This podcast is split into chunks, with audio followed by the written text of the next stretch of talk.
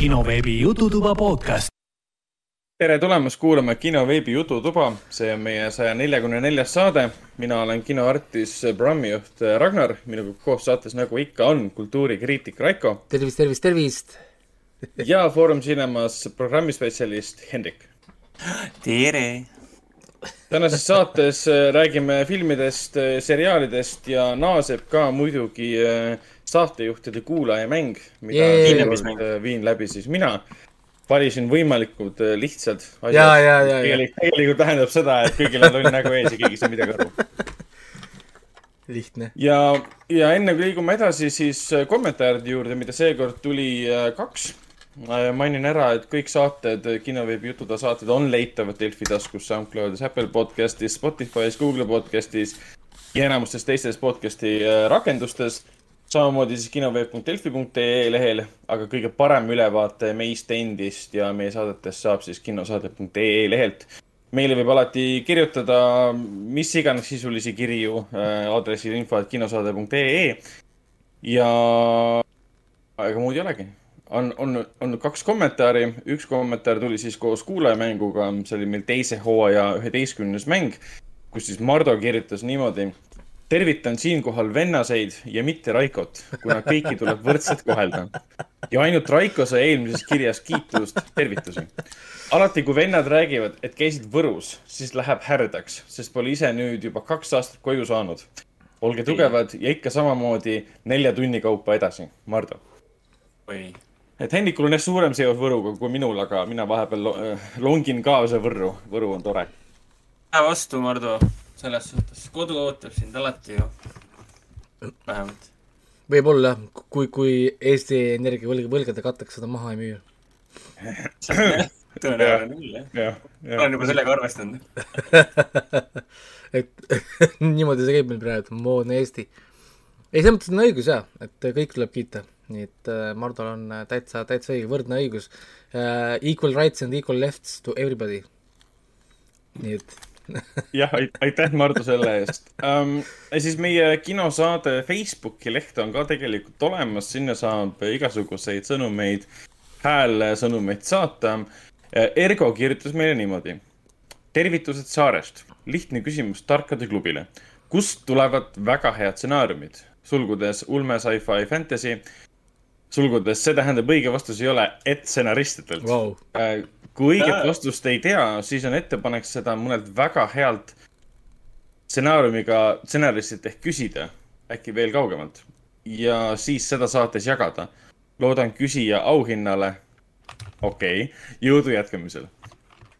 et ehk siis, kust tulevad head stsenaariumid, õige vastus ei ole, stsenaristidelt ei, selles mõttes ma olen nõus, sest et stsenaristid kirjutavad ka Matt Matrix Resurrectioneid ja, ja taolisi asju. Nii et, et see kindlasti ei ole jah, vastus. see, see, see on tõsi, jah.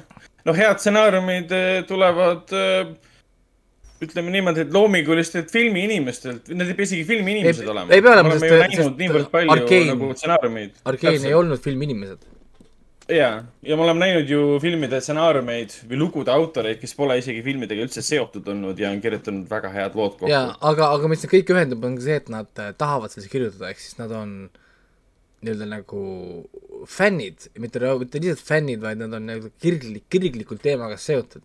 põhjus, miks näiteks me saamegi niisugused halvad stsenaariumid, Matrix Resurrectionid või järjed ja asjad kipuvad ära kukkuma, on see, et nüüd meil on pole põhjuseks kirjutama, sest ma tahan seda kirjutada, vaid nüüd on see, et sa pead seda kirjutama, sest keegi maksab sulle, et sa seda kirjutaksid. ehk siis see pole see, noh, nagu nii-öelda mm. ja, ja, ja sellepärast ongi, et ala keegi, keegi teeb Shawshank Redemptioni, on ju, sest see on sellepärast, et holy shit, see raamat oli lihtsalt mingi vägev ja vapustav, ma pean sellest tegema nagu filmi, aga kui sa tahad seda teist osa, siis on oh, olgu, noh, kui sa maksad, eks ma siis proovin midagi. ja siis sa mm. saad, sa saadki täpselt sellise stuff'i ja sellepärast oligi, et Arkeeni mängijad, mehed olid ultra fännid, onju. Nad lihtsalt on, nad on nagu League of Legendsi fännid. sõna otseses mõttes nagu, kui vaatasid intervjuud asju, nad on nii excited, nad teavad igat detaili, nad teavad igat nurka kaardimäpil, mida iganes nagu, nad on lihtsalt fännid. ja, ja siis nad tegidki rohkem, kui, kui, kui võib-olla, mitte võib-olla, vaid tõenäoliselt enamus suvalised stsenaristid oleks teinud. ja, ja ma usun, et see ongi see saladus, aga ega seal ei polegi vastust, see on see, mida kõik otsivad, kõik stuudiod otsivad, kõik otsivad kogu aeg, et kust tulevad head stsenaariumid. Forever and ever, siin peaks, kusjuures tegelikult mõtlesin selle peale, ma panin kirja peale, ma proovisin ühendust ka võtta. Drive My Car'i stsenaariumi autoriga, aga ma pole saanud ühendust. see oleks päris huvitav intervjuu jah, sest ma tõesti tahaksin, tahaksin äh, küsida ja rääkida, ma kirjutasin teile isegi jaapani keeles kirjutasin talle, talle ei vastanud. ja, ja tahaksin nagu teada päris palju asju, et kuidas, lihtsalt põhimõtteliselt nagu how, kus sa nagu alustad sellise asjaga? noh, kus sa nagu alguspunkt on, kõige lihtsam oleks öelda, et sa, et sa õpid seda kuskil koolis, aga on nii palju näiteid olnud. sa ei pea olema õppinud kirjutamist, et kirjutada head stsenaariumit. ega Tarantino vaatas filme ja õppis selle pealt ja kirjutas stsenaariumi. aa, ei see oli nagu seegi oli see. E- M. Night Shyamalani originaal Six Sense'i stsenaarium on kirjavigu täis. jah, kirjavigu ja halba lauseehituse asju, aga that's not the point. Selles mõttes, et selle jaoks on toimetaja, keegi toimetab selle teksti sul nii-öelda nagu korrektseks. aga, aga film ise, see story, kõik kogu see arendus, see on see nagu point. nii et, et see on hea küsimus küll, aga kahjuks ma arvan, et siin ei ole ühtegi niisugust vastust, et see käib nii, alati nii ühest, ja ühest vastust kindlasti ei ole, jah. ja, ja see on erinev iga filmi, iga žanriga asjadega, näiteks komöödiafilmid, õudusfilmid, kaks äärmiselt subjektiivset žanri. See on, see on minu arust komöödiafilme teha on, on jõhker. noh, kirjuta hea komöödiafilmi stsenaarium, mis ajab inimesi naerma. kui sul on juba, kui sul on juba viis sõpra, siis tõenäoliselt iga sõber naerab erineva asja peale. noh, ja, ja, ja, ja, ja kuidas sa saad need kõik viis, viis sõpra korraga naerma? noh, täiesti crazy on ju, noh nagu. ja, ja, ja õudusfilm on sama asi. et me, me ei karda samu asju, nii et, et see on noh Mm. see on, see on nii keeruline värk, et li- lihtsam on jah, minu arust teha niisugust sügavat draamat või niisugust nii-öelda nagu sammast sammastuvat asja, dokumentaalfilm on veel kergem teha, noh, kui ma mõtlen nii-öelda nagu noh, nii-öelda nagu asjale, mis impact'iks võimalikult palju vaatajaskonda korraga. siis draama ja, ja siis dokumentaalfilm. aga võib-olla siin ongi see õige vastus see, et äh, head stsenaariumid tulevad äh, heast või sellisest suurest äh, kogemusest, sõltumata, mis see kogemus on. et kui sa, jällegi Tarantino näide, vaatas väga palju filme, sai aru, kuidas filmid töötavad, kirjutas loo. mõni tüüp õpib koolis, kirjutab väga hea stsenaariumi. mõni on kirjanik, kirjutab väga hea stsenaariumi, ükskõik, mis su taust on tegelikult piisabki sellest kogemusest, et tühjas kohas, kui sa mitte midagi ei tea elust ega, ega filmidest, sa ei kirjuta head stsenaariumit. aga me, kas me räägime nüüd stsenaariumist või me räägime loost? selles mõttes, et kui me räägime stsenaariumist, sellest formaadist, mis ta on, jällegi see näide, et Shyamalani äh, tekst oli kirjavigu täis. Tal võib-olla polnud korralik, korralikus formaadis ka, aga see, aga see polegi oluline. kas hea stsenaarium peab olema õiges formaadis? pigem lugu peab hea ei olema. pea olema, see on, see on, see on nagu see, et raamatu kirjutamisel sa võid kirjutada, kuidas sa tahad noh, jah, sa täpselt. võid kirjutada, mis, mis pidi tahad, tagurpidi kirjuta, kui tahad, noh, selles mõttes, et noh, seal üle reeglid, sina lood oma nagu reeglid lihtsalt, lihtsalt on teatud asjad, mis toimivad paremini kui teised läbi ajaloo, läbi, läbi teiste tehtud tööde me teame, et teatud asjad toimivad lihtsalt paremini. Aga see ei tähenda, et sa ei, et sa võiks teha teistmoodi. lihtsalt äh, seal on nii-öelda see high risk, high reward stiilis võib-olla siis selline lähenemine. et mm, -hmm. et äh, põrud põrud niimoodi, et äh, kõik vaatavad ja küsivad, et miks sa, miks sa, miks sa meie, miks sa meie hapnikku raiskasid ja kuidas me selle sinu käest tagasi saame? tõsi aga igal ähm, juhul, kui, kui sul õnnestub selle Troima Kaari stsenaristiga kuidagi ühendust saada, siis see oleks päris, päris huvitav, et muidu võiksin pöörduda mõne eestlase poole. Aga ma hakkasin ka mõtlema, kelle. ei no üks inimene, kellega võiks rääkida, oleks üht kaotust äh, igavesti kandsin. nojah, dokumentaalfilm Carlos äh, Lesmesega rääkida, jaa, tõsi. Et teine seal on variant on ka- Martin seal on, ka- seal on Martin ka- Algus, aga noh, aga seal on muidugi jälle see, et seal pigem ma tahaks rääkida monteerimisest, sest selle filmi niisugune suur võit oli siiski monteerimise skill rohkem kui mm. stsenaarium, sest antud juhul elu dikteeris sü- sündmused. Tema lihtsalt pidi selle monteerimise jaoks siis nagu nii-öelda nagu lavastama ja siis kirjutama. ehk siis jah, natukene teine, aga siiski, selles mõttes, et, et, ei no ma arvan, et tagantjärgi oleks Tanel Toomiga ka huvitav äh, rääkida, et kuidas ta võttis selle raamatu raam,, esimese raamatu ette ja selle stsenaariumi kirjutas, et see on ka huvitav protsess tegelikult, et kuidas üldse kirjutatakse raamatu põhjal stsenaariumit. meile kunagi filmikoolis õpetati seda ja siis meil Jüri Sildät üt- ütles, oligi vist, mis see oli, see Metskass, Oskar Lutsu Metskass võttis selle loo ette vaatas, iga lause on stsenaristiline lause kus hakkad vaatama, ükskõik mis leheküljel on kirjutatud ja õpetas meid nagu analüüsima, nägema teksti, et, et, et sul pole stsenaariumit vaja, see on kõik sul selles tekstis juba olemas, on see romaan või novell või lühilugu, mis iganes. aga ma arvan, et ei, Tanel Toomi reaktsiooni või sellist, sellist kogemust oleks ka päris huvitav kuulata. Jaa, ta igal juhul see on suur skill, ilma asjata ei ole. kusjuures ma hakkasin täna mõtlema huvitava asja peale, et miks ei anta Oscarit parimatele häälnäitlejatele see on hea küsimus, see on hea küsimus. muidu, muidugi peaks eraldi kategooria. miks ei ole, sest, sest ma vaatasin täna äh, Demon Slayerit ja mul tõmbas silmani märjaks, sest oli holy fucking kui epic see asi on. ja, ja seal olid stseenid ja asjad, kus häälnäitlejad panevad nagu nihukest kuradi rolli ja hakkasin mõtlema, miks ei anta häälnäitlejatele Oscareid? No mõnes mõttes nagu antakse, aga see antakse nagu üldiselt, et kui Oscarid antakse siin parimale animatsioonile, siis mõnes mõttes parima animatsiooni Oscari no jaa, aga see oli ka, see ikkagist ei ole nagu see, vaata, Game Awardsil me anname ju parimate hää häälnäitlejatele videomängudes yeah. auhinnad, sest nemad tegelikult loovad ju karakteri, kujuta ette, kui Arkenis oleks keegi teine Jinxi rollis näiteks või, või kui, kui, noh, kui palju power'it ja stuff'i nad peavad tegelikult nagu tegema, see noh, nagu täitsa crazy. nii et, et ma ei tea, kuidagi nagu veider, et üks asi on lihtsalt kõrvale jäetud, umbes, et ah, see on häälnäitleja, mm, mm, suva, või kuidagi nagu mm ja, ja, ja mitte ainult häälnäitlejad, mock-up näitlejad ka on jäetud kõrvale. filmide puhul on mock-up'i võib-olla raskem auhinnata, sest neid ei ole nüüd nii palju, et kui Andy Serkis siin vahepeal lõpetas selle töö ära, siis me peame ootama, ma ei tea, Avatar kahte, siis me saame jälle mõelda selle peale, et äkki saab anda auhinna. ikka on, kogu aeg on kuskil mingisugused mock-up rollid ju, mida tehakse ja, ja noh, aga muidugi antud juhul mocap rolli vist peaks siis rohkem videomängude maailma lükkama, sest seal on põhiliselt suurema osa vist nendest äh, äh motion, motion capture'ist, et äh, ma ei tea. aga lihtsalt jah, see selleks, praegu me liigume siit edasi, ma arvan, sest meil aeg tiksub. ja äh, kuulajate ar, ar, arutama seda. Kuulajate mängu teise hooaja üheteistkümnenda osa siis äh, vastused on meil käes, äh, oli siis kolm, kolm osalejat, aga sellest äh, saab meile Raiko natuke pikemalt rääkida. jaa mm,, meil oli siis üheteistkümnes mäng nüüd äh,, väikse pausiga, siin oli aastavahetuse pausid, kus oli kuus lugu ja neli pilti, mida, mida siis siin Villu väga meelitavalt nimetab piksli, pikslipuruks. Jaa, päris hea. ja, ja, ja tundub, et on liiga, liiga kerge, ehk siis järgmises saates ma võib-olla teen pikslipuru rohkem puruks või ma lihtsalt, või siis ma natukene vähendan sellist filmide niisugust power'it. praegult ma tõesti võtan ikka nagu need power, power filmid nagu ikka väga nagu tipud, väga nagu tipust nopin, nopin neid näiteid.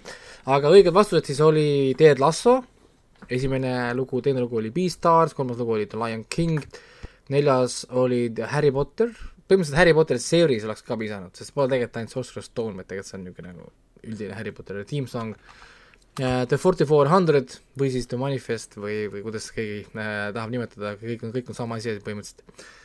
ja Back ja, ja Back to the Future uh, filmiseeria uh, oli siis see viimane ja pildid oli siis Brokeback Mountain, millal saan mina uh, female remake'i, ei tea Äh, kus siis teine oli Gladiator, äh, kolmas Mad Max Fury Road, väga kuulus äh, stseen sealt, ja viimane oli siis Sunshine, mis oli selles mõttes huvitav, et mulle meeldis see pilt ise.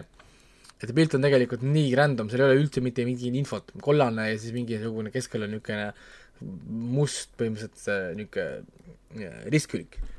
ja inimesed teavad, et see on filmist Sunshine.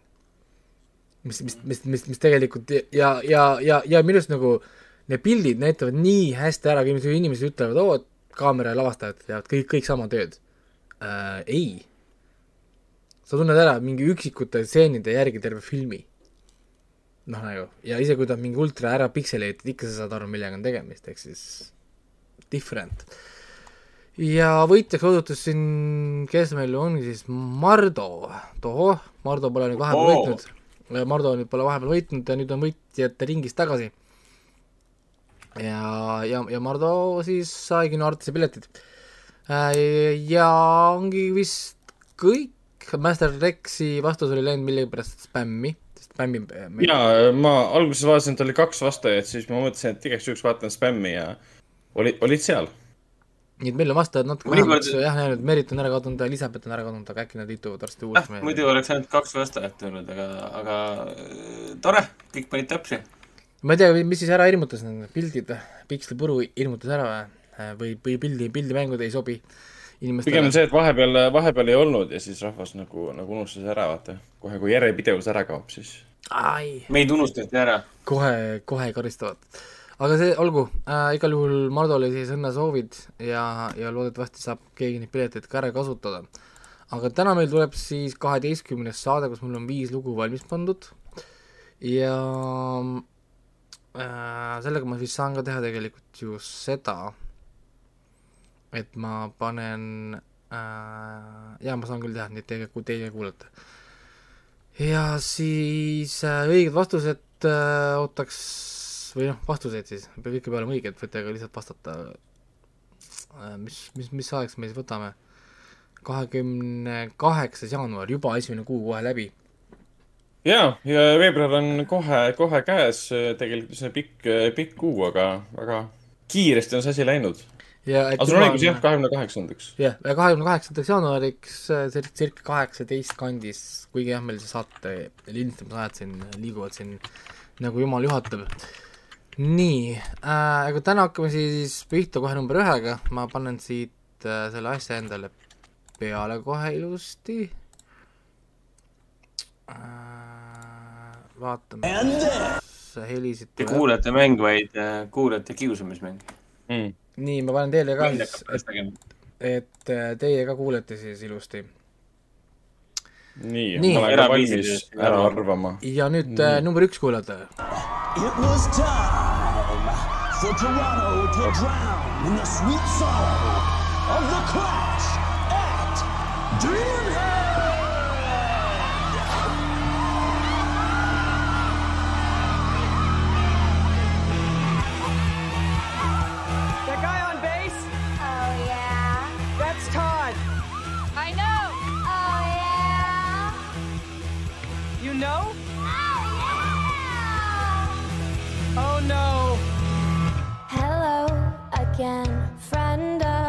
friend. I knew you were. Our come and go was waiting for the world to. aga aitab küll ja Youtube copyright uh, strike mm., here, here we come.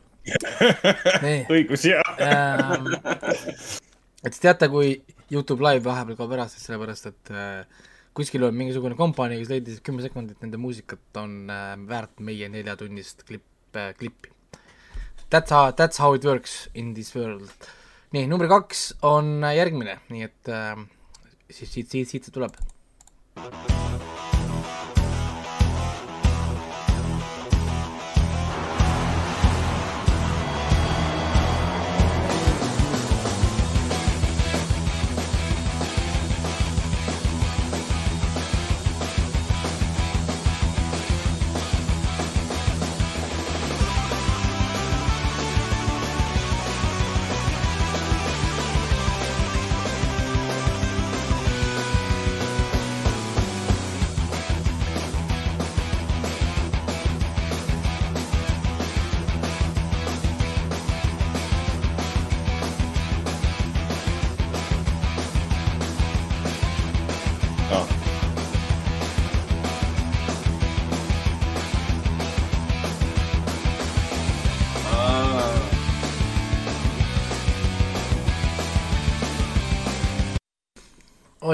Lapsepõlv tuleb meelde, igal juhul äh, vihjed äh, tulevad vasakult ja paremalt, nii. number kolm.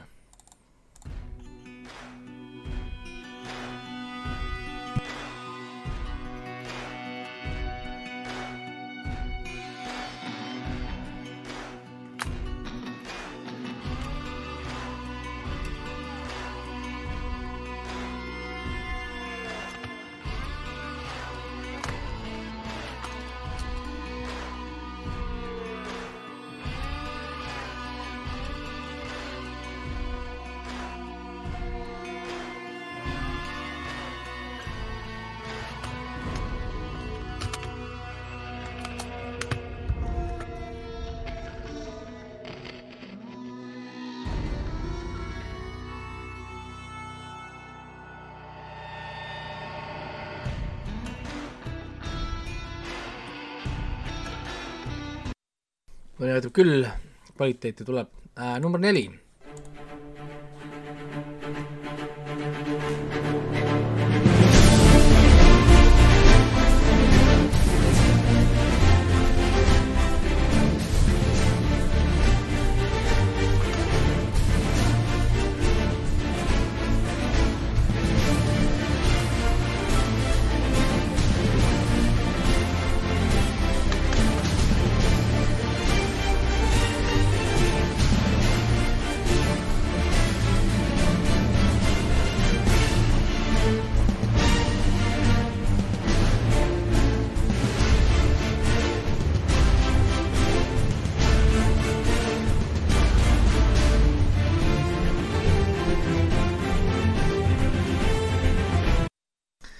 Ikka nii äratuntav asi, jõhker, jõhker äh, ja, ja tõmbab kohe käima ka tegelikult, kohe tahaks minna vaadata uuesti, uuesti palju panen seda, peale jälle äkki uuesti. palju seda asja. ja viimane täna, number viis äh, lugu on siis järgmine.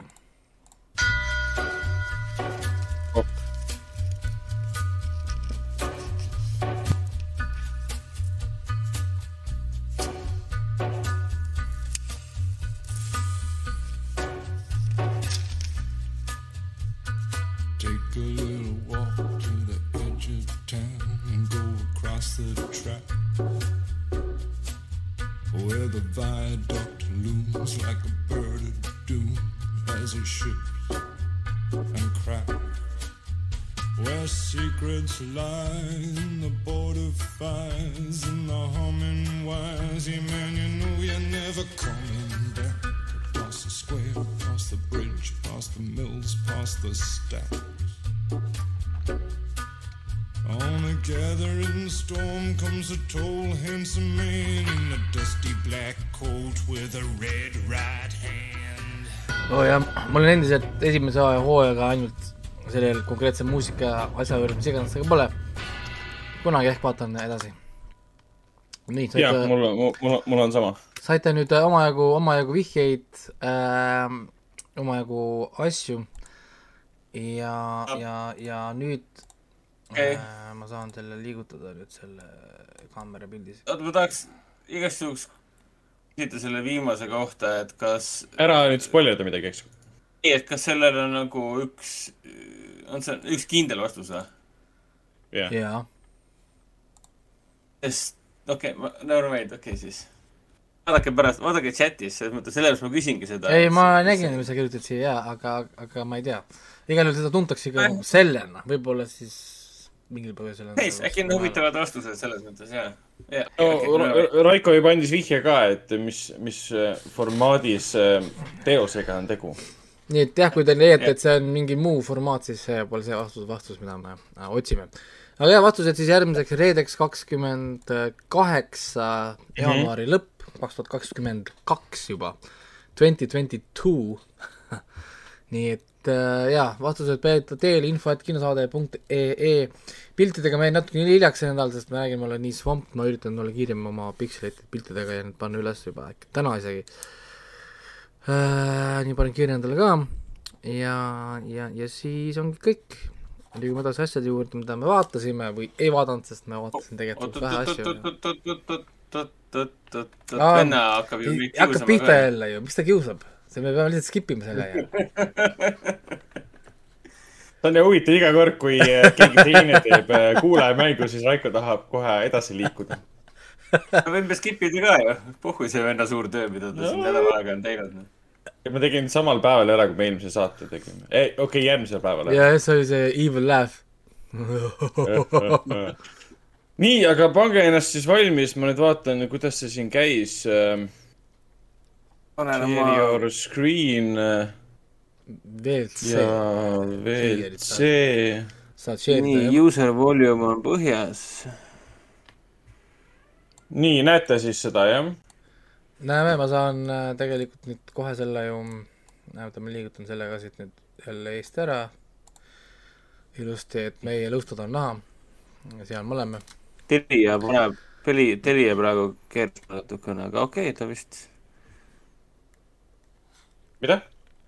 Telia otsustas. keeras, Telia keeras mulle niimoodi, et Ragnari pilt kadus ära. aa, tore. aga sa võid korra välja ja sisse tulla või kuidas sa arvad? okei okay., vana sa oled? ma käin korraks ära, ma käin, ma käin korraks ära.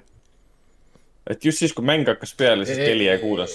Telia kuulis, et neid, not on my watch. tegite Telia üle nalja või? Telia on, on meie sõber ja ju. Telia sponsor, Coca-Cola ja Telia meie suurim spons- sponsorid. jaa, täpselt, et su-, suur, suured rahad tulevad sealt kogu aeg meile sisse. ja aga nüüd mul, on vist korras. mul pank ka helistajas, kuulge, et lõpetage see üle, ülekandmine ära, et läheb paljuks. et, et nii kas- äh,, nii, kas te olete, olete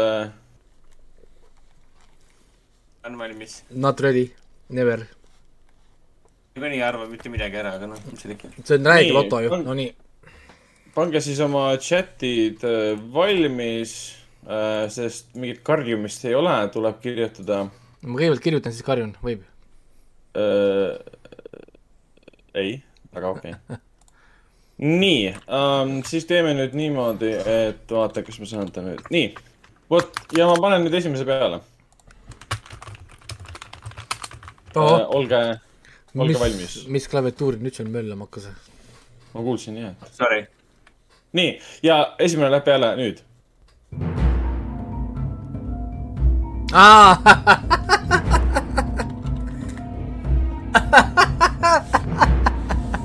sa, ära nii kõvasti karju. kõvasti karjun. ja ma panin liiga.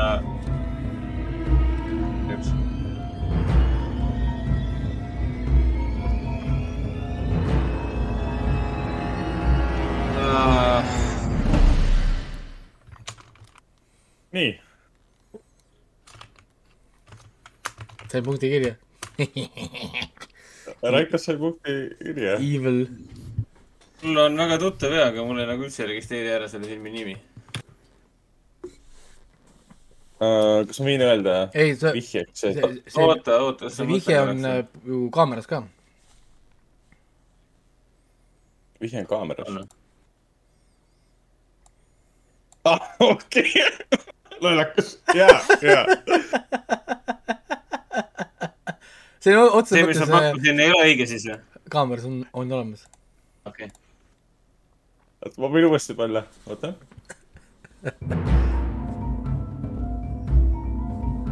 mõnes mõttes jah, vihje on kaameras, jah.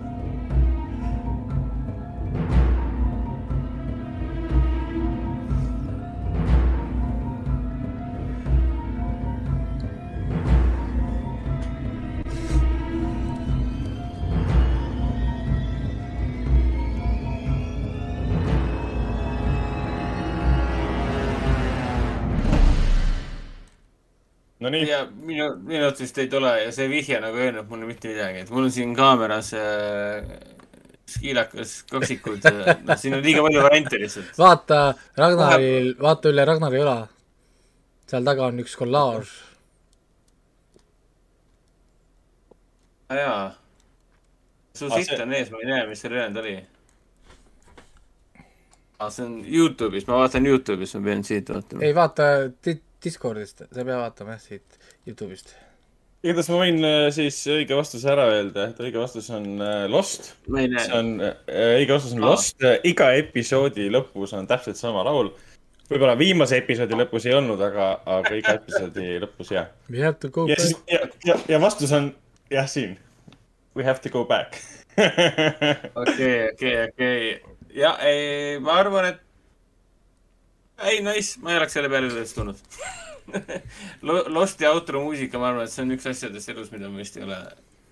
rütm on tore, on tut-, ära tunta, sest noh, see on sama soundtrack on ju kogu- iga, kogu seeria on sama soundtrack'iga. sul oli õigus, seda oli raske otsida, sest kui sa võtad kõige emotsionaalsemad Mi- Michael Giacchino nagu lood eh, Losti soundtrack'is, siis need võivad eksida ükskõik millega tegelikult, aga see minu silmis ei olnud see, mida saab, millega saab eksida. Teine variant oleks võtnud alguses muusika, aga see on nii arusaadav. see, kus see tuleb sisse. nii, aga lähme, lähme teise juurde. kas olete valmis ja teine läheb peale ma ei arvanud Losti ära, nii et äh, ma ei ole valmis. no no vaatame, vaatame ja nüüd tuleb teine.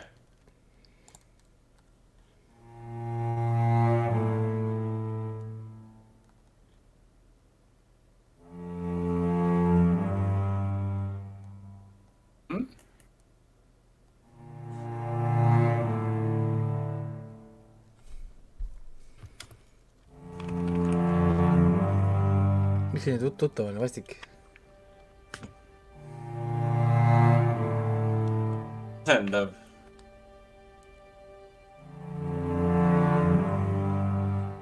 tean seda heliloojat ju.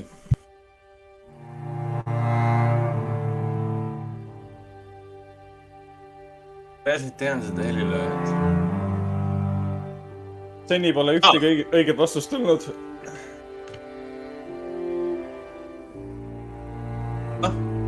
Endiselt pole ühtegi Õige. õiget vastust tulnud. mis näed?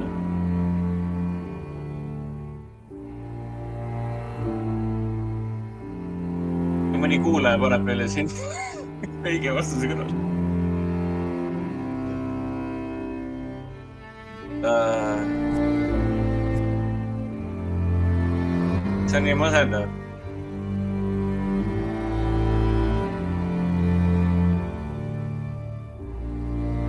Ma ei tea, kas ma annan vihjeid ähm,. oota, oota, oota.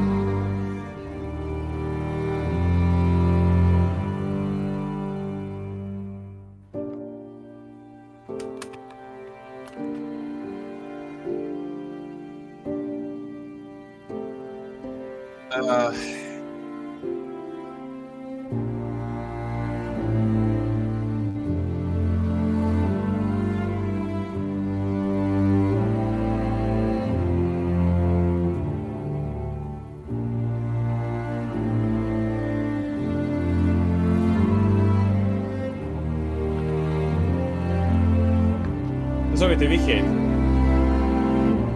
no miks mitte? me oleme praeguse saate jooksul äh, seda filmi maininud.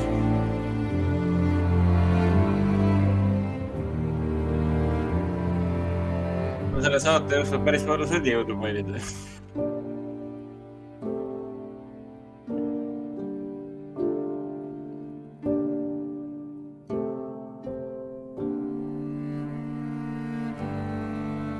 on üks väga konkreetne vihje, kui ma selle ära annan, siis ma arvan, et te saate kohe aru um,.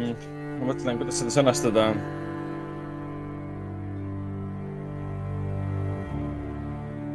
jooksul äh, praeguse seisuga. me rääkisime, rääkisime stsenaariumitest.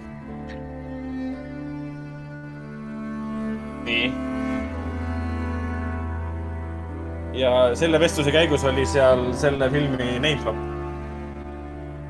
no see ei ole ju see, mis ma praegu panin. ei.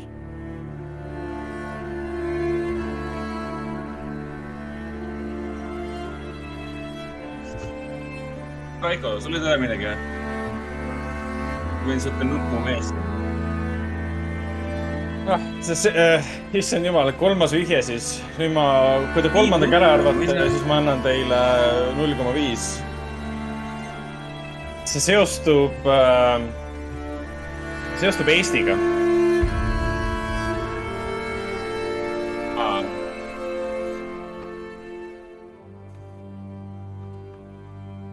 see on ikka päris räige vihje, kui see tõ- tõesti tõele vastab.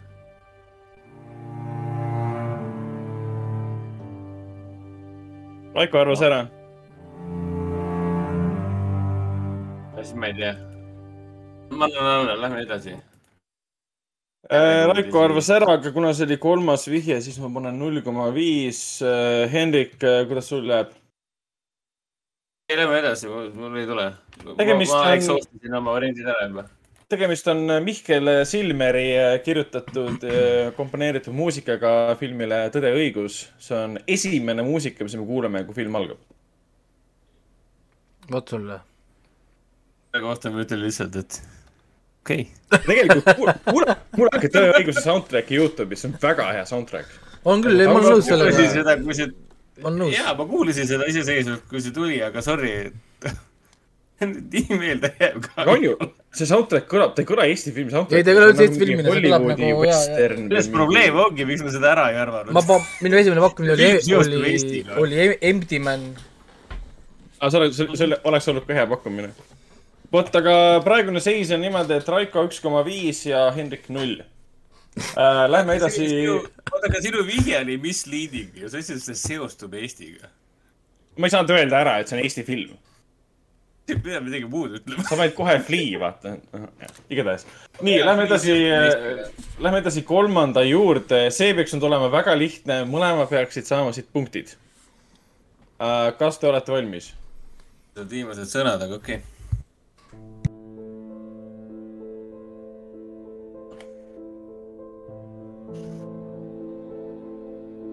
ah..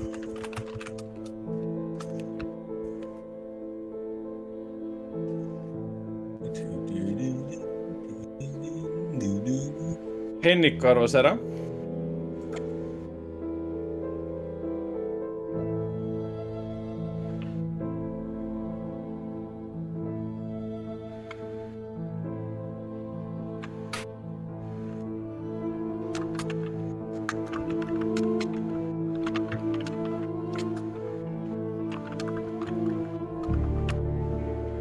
see trükib seal nüüd.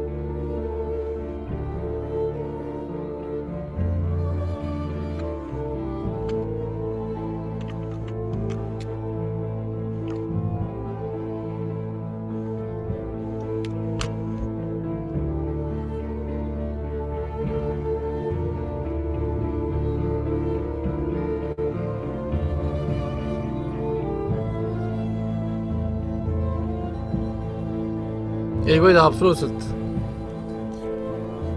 ühe koha juures ma kardan, et äh, kas ma olen seda kas ma olen seda näinud või? ma arvan küll.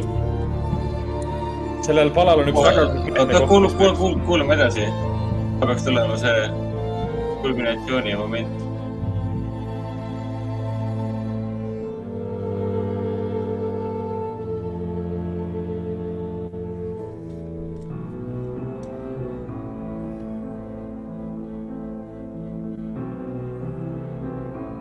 Valesti äkki või? see on nii tuttav, see kõlab nagu mingi Loki. hea pakkumine, aga ei.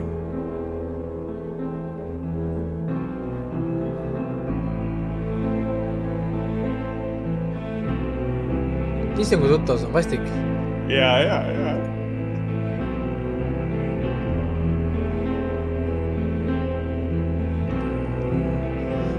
Ma ei tea.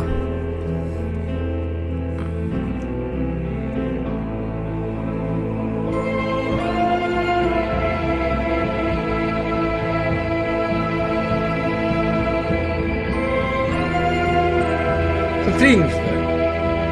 ei,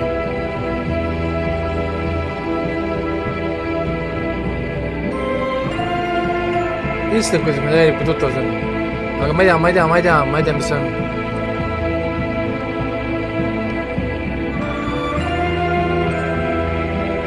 Kas lasen edasi? ei ole vaja, ma arvan.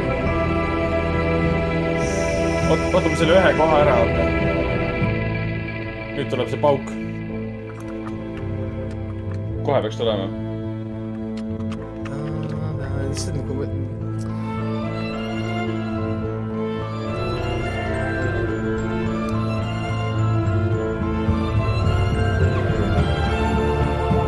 see on ikka nii tuttav,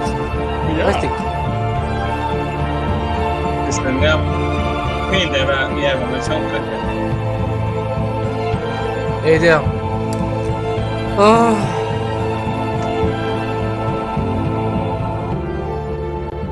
nii, ma panen siis kinni ära. see oli äh, Darren Aronofsky Fountain äh,. Clint Mansell. Clint Manselli muusika. Jaa, see on see- Death is the road to wave. siis see on see Aa. film, film, mis make sense. jaa, see on see, mis make sense, aga seal on lihtsalt niivõrd kaunis ilus muusika. aga siis äh, Hendrik äh, tapas selle ära, mis tähendab siis seda, et äh, Raiko endiselt juhib null koma viie punktiga. Lähme kiiresti edasi neljanda juurde. neljas, neljas on nüüd äh, klipp äh, filmist, mis on siis heli nagu filmist teatud stseenist. et kuulake siis täpselt, mis seal, seal toimub ja see on nüüd neljas.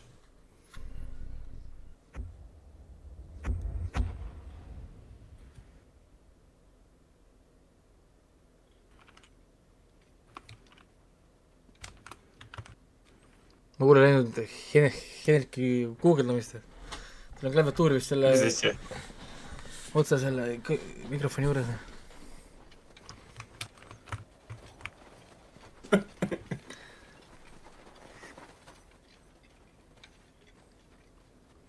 Is this it, priest? The Pope's new army? A few crusty bitches and a handful of ragtags? I know, Bill. You swore this was a battle between warriors, not a bunch of Miss Nancys. So warriors is what I brought. The O'Connell Guard, the Plug Uglies, the Shirt Tails.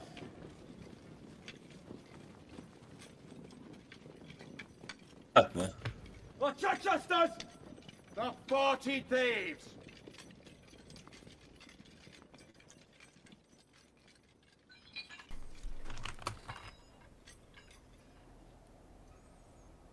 Bene.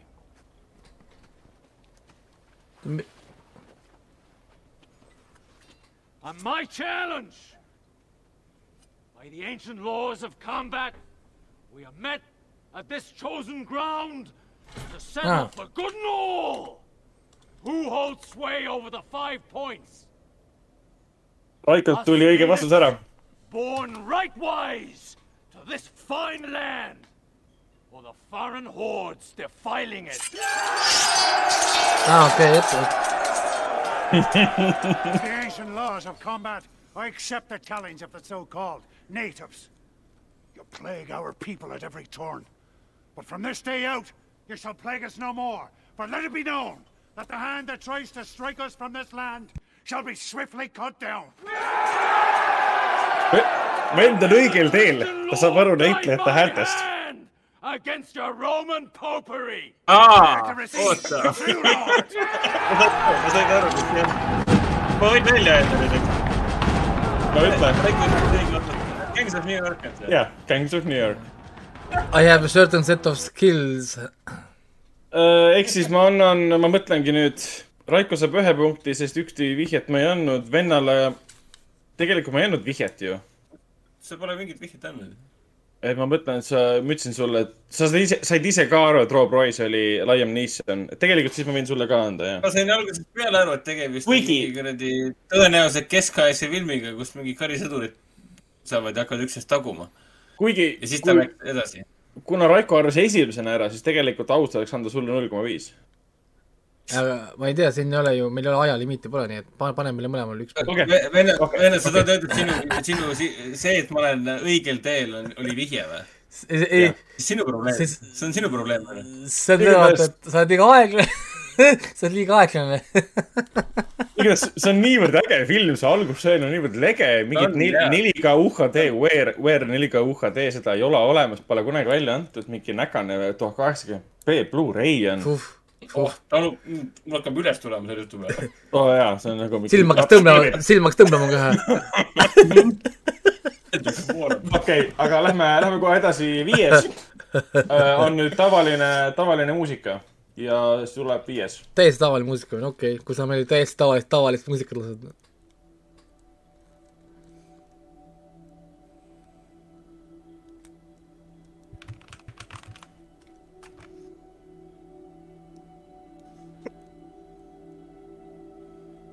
Vend vastas kohe ja nii valesti kui üldse sai.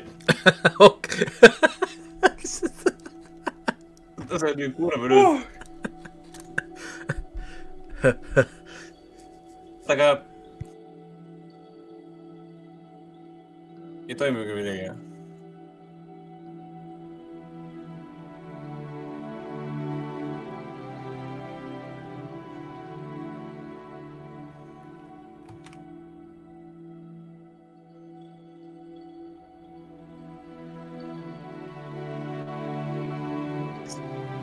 Sain kätte. Henrik sai õige vastuse kätte. aga kuulame veel.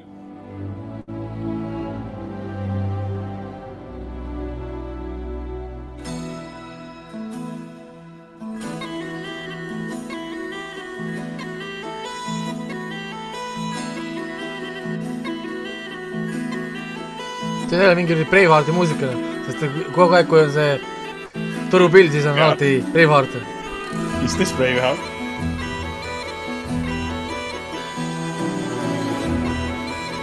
ma ei tea, mis see on.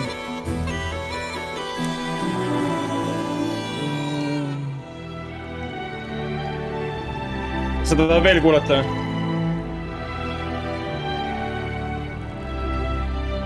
ma mõtlen, kas ma annan vihjeid. miks mitte? vihje.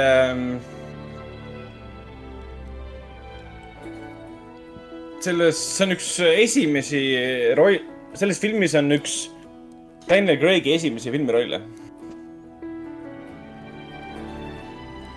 Daniel Craig, ma pole vaadanud ta filme, mind huvitavad tema filmid. ma äkki, ma äkki, ma äkki, ma äkki polegi näinud teda üldse siis. okei okay,, see on, selle filmi režissöör seostub äh, kahe Bondi filmiga. Seostub selle koha pealt, et ta lavastas neid. ma ei tea, mis film see on. see on äh, Sam Mendesi, Mendesi äh, Road to Perdition äh, Tom Hanksiga. aa, ma pole, ma pole näinud seda, jah. issand, see on nii hea film, UR4K UHD. sellel on või? ei ole.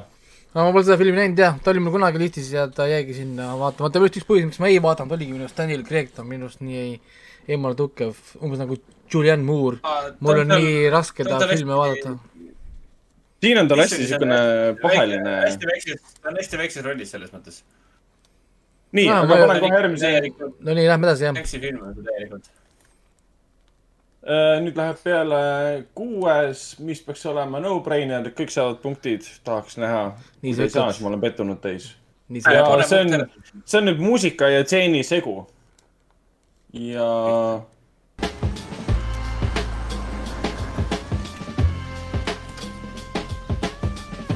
Damn, it feels good to be a gangster. no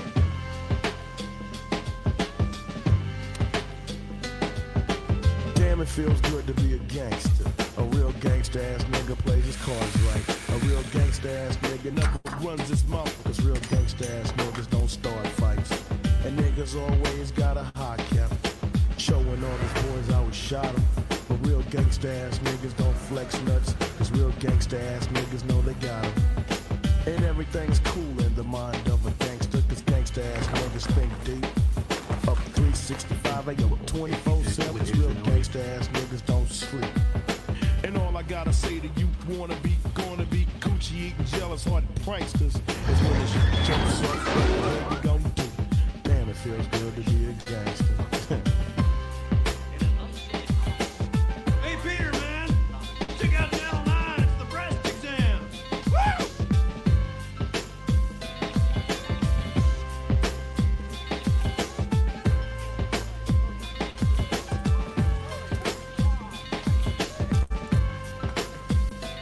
See peab olema komöödia üks. ma mäletan, see oli mingi komöödia. mul on nagu mingi tseen silme ees. jah, komöödia, komöödiafilm. Now I'm in the US making deals. Damn, it feels good to be a gangster. I mean, one that you don't really know. Riding around town in a drop top. ja õiged vastused tulid ära.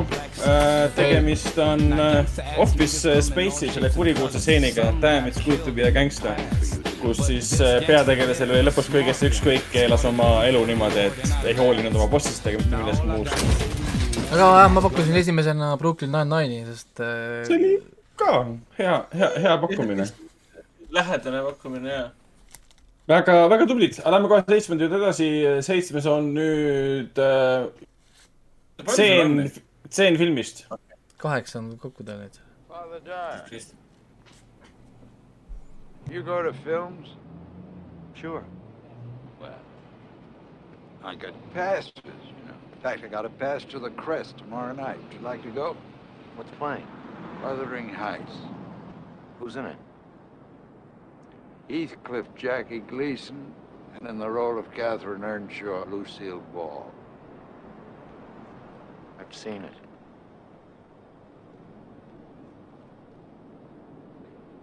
Another one. Had your lunch? No.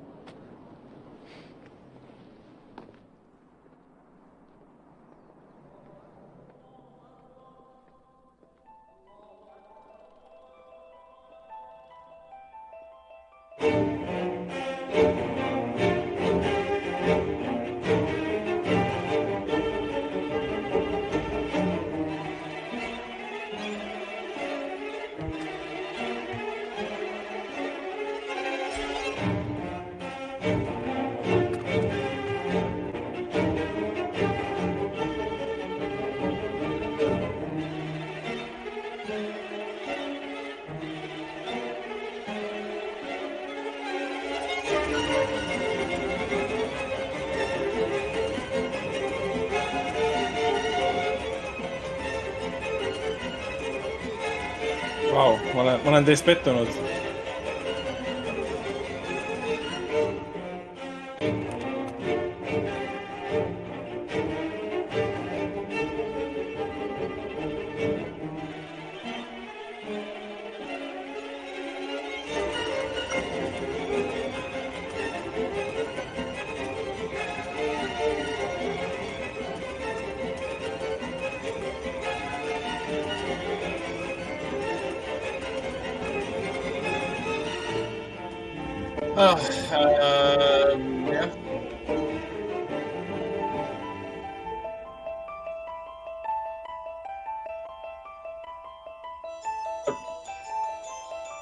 Saa aru praegu, miks see muusika siin niimoodi vaheldub.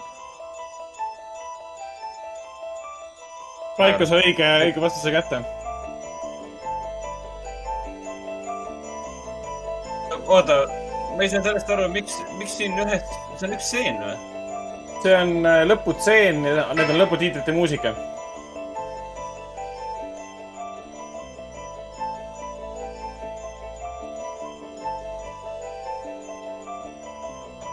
Nii lamp.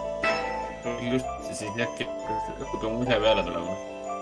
see see on ju hästi kindlasti... kuulus Mike Oldfield muusika.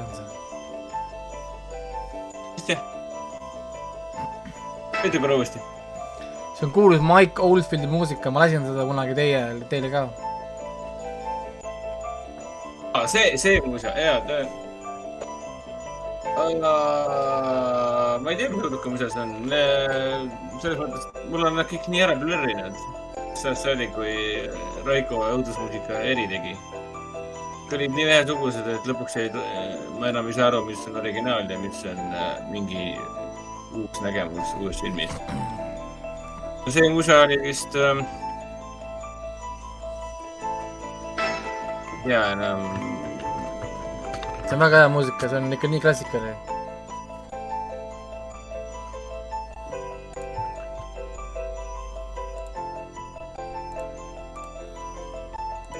See on, mis ta on, ma ei tea, mingi kaheksakümnenda tüdruk, see on, ma ei mäleta, ma ei tule, nimi ei tule pähe praegu. see on äh, Exorcist, see on Exorcisti lõpumuusika, film tuli välja seitsekümmend kolm ja lõputiitrite muusika meenutab mida? seitsmekümne kaheksandal aastal tulnud äh, John Carpenteri Halloweeni muusikat. ja, ja see, Jah. selle, selles ma See- see sa oli oled mul- sellest, sa oled sellest rääkinud. see oli mu esimene pakkumine oli Halloween. oli jah? ei, mul oli ka sama mõte, aga see ei tundunud nagu õige. lõpuks ma ikkagi. aa, oli jah, oli jah. aga aga siis- et need on väga sarnased muusikad. on, on tõesti, see on üldse ku- kokku pandud ka huvitavalt, et Hans Werner Hense üheksa, tuhat üheksasada kuuekümne kuuenda aasta kompositsiooni Fantasia for Strings kasutatakse siis miksina seal lõputiitrite ajal ka. et muidu nagu muusika, muusika tegi Jack Nietzsche, aga seal on nagu erinevaid asju kokku pandud omavahel. Nietzsche või? vot äh,, panen viimase peale, see on nüüd boonus äh,. see on, seostub ühe filmiga, mis me oleme siin äh, paar saadet tagasi rääkinud. see on tseen sellest filmist äh,. peaks olema üsna äratuntav, aga no vaatame. ja.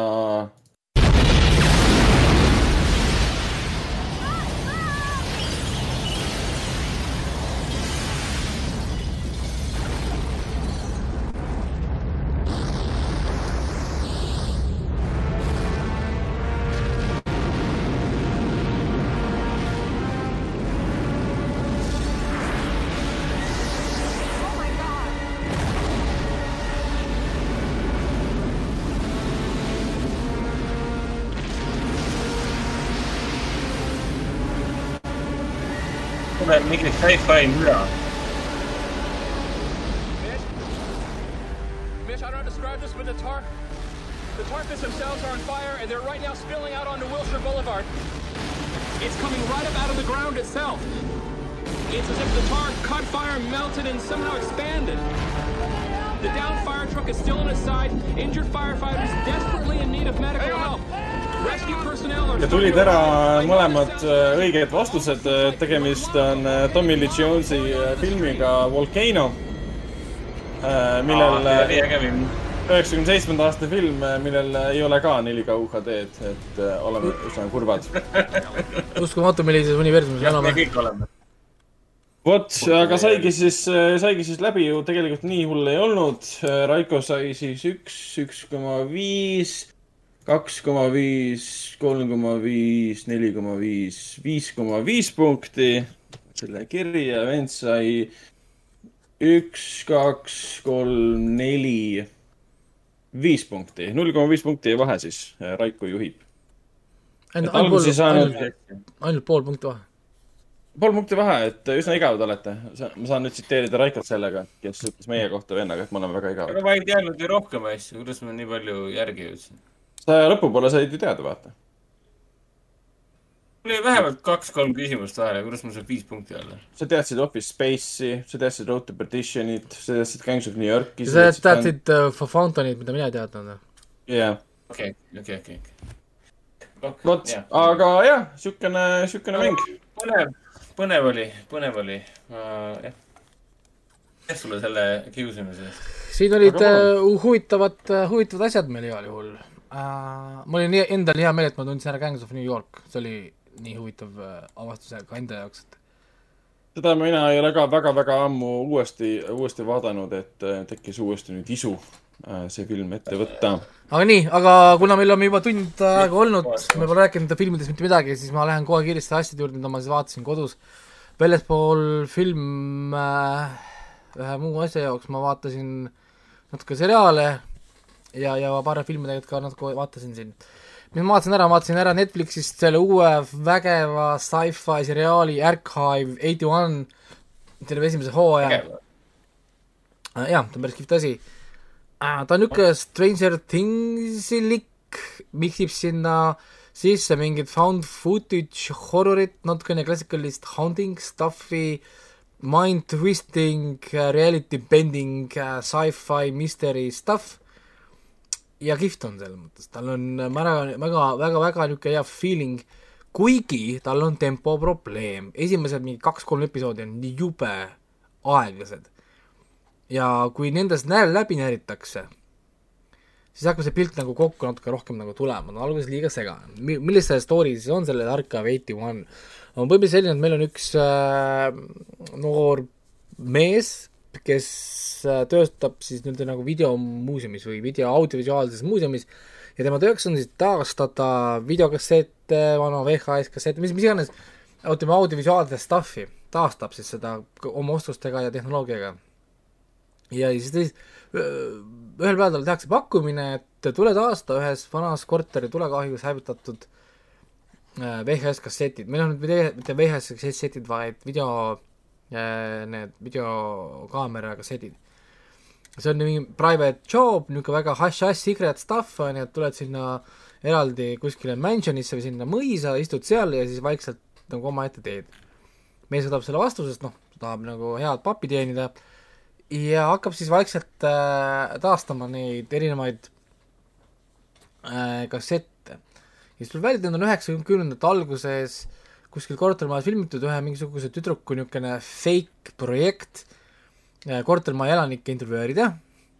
Äh, oma nagu projekti raameks, aga kuna seda projekti tegelikult pole olemas, vaid ta tegelikult eesmärk on leida üles oma ema, kes on väidetavalt siis kuskil sealt kaduma on läinud.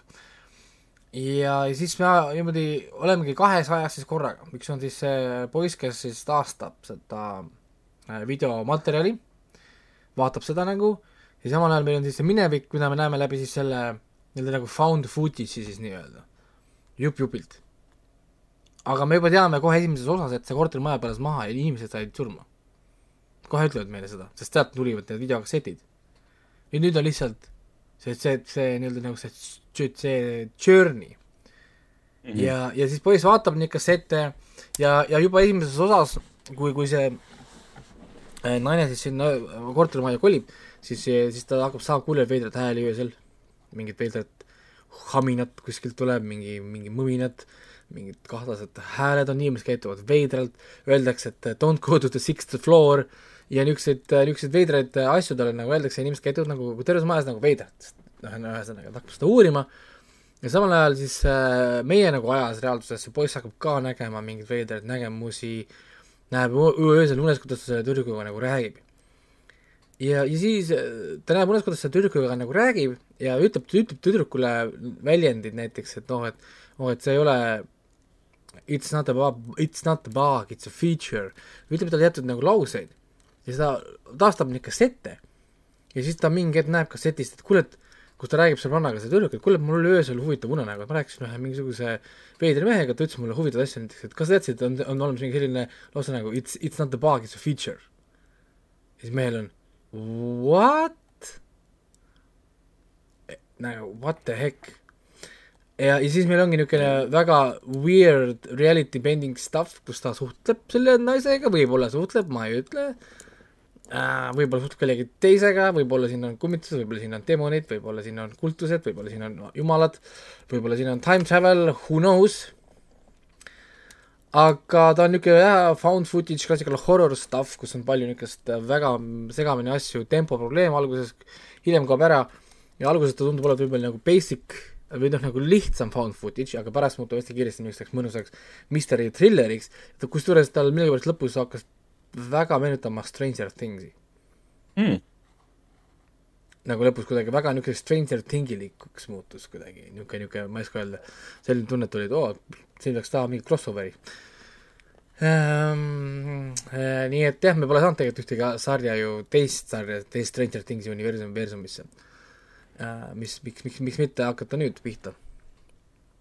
nii et jah, ma vaatasin absurdne. ma vaatasin terve hooaja ära ilusti kohe äh,, lõpeb cliffhangeriga, nii et selles mõttes olge valmis selle jaoks, et on korralik cliffhanger lõpus äh,.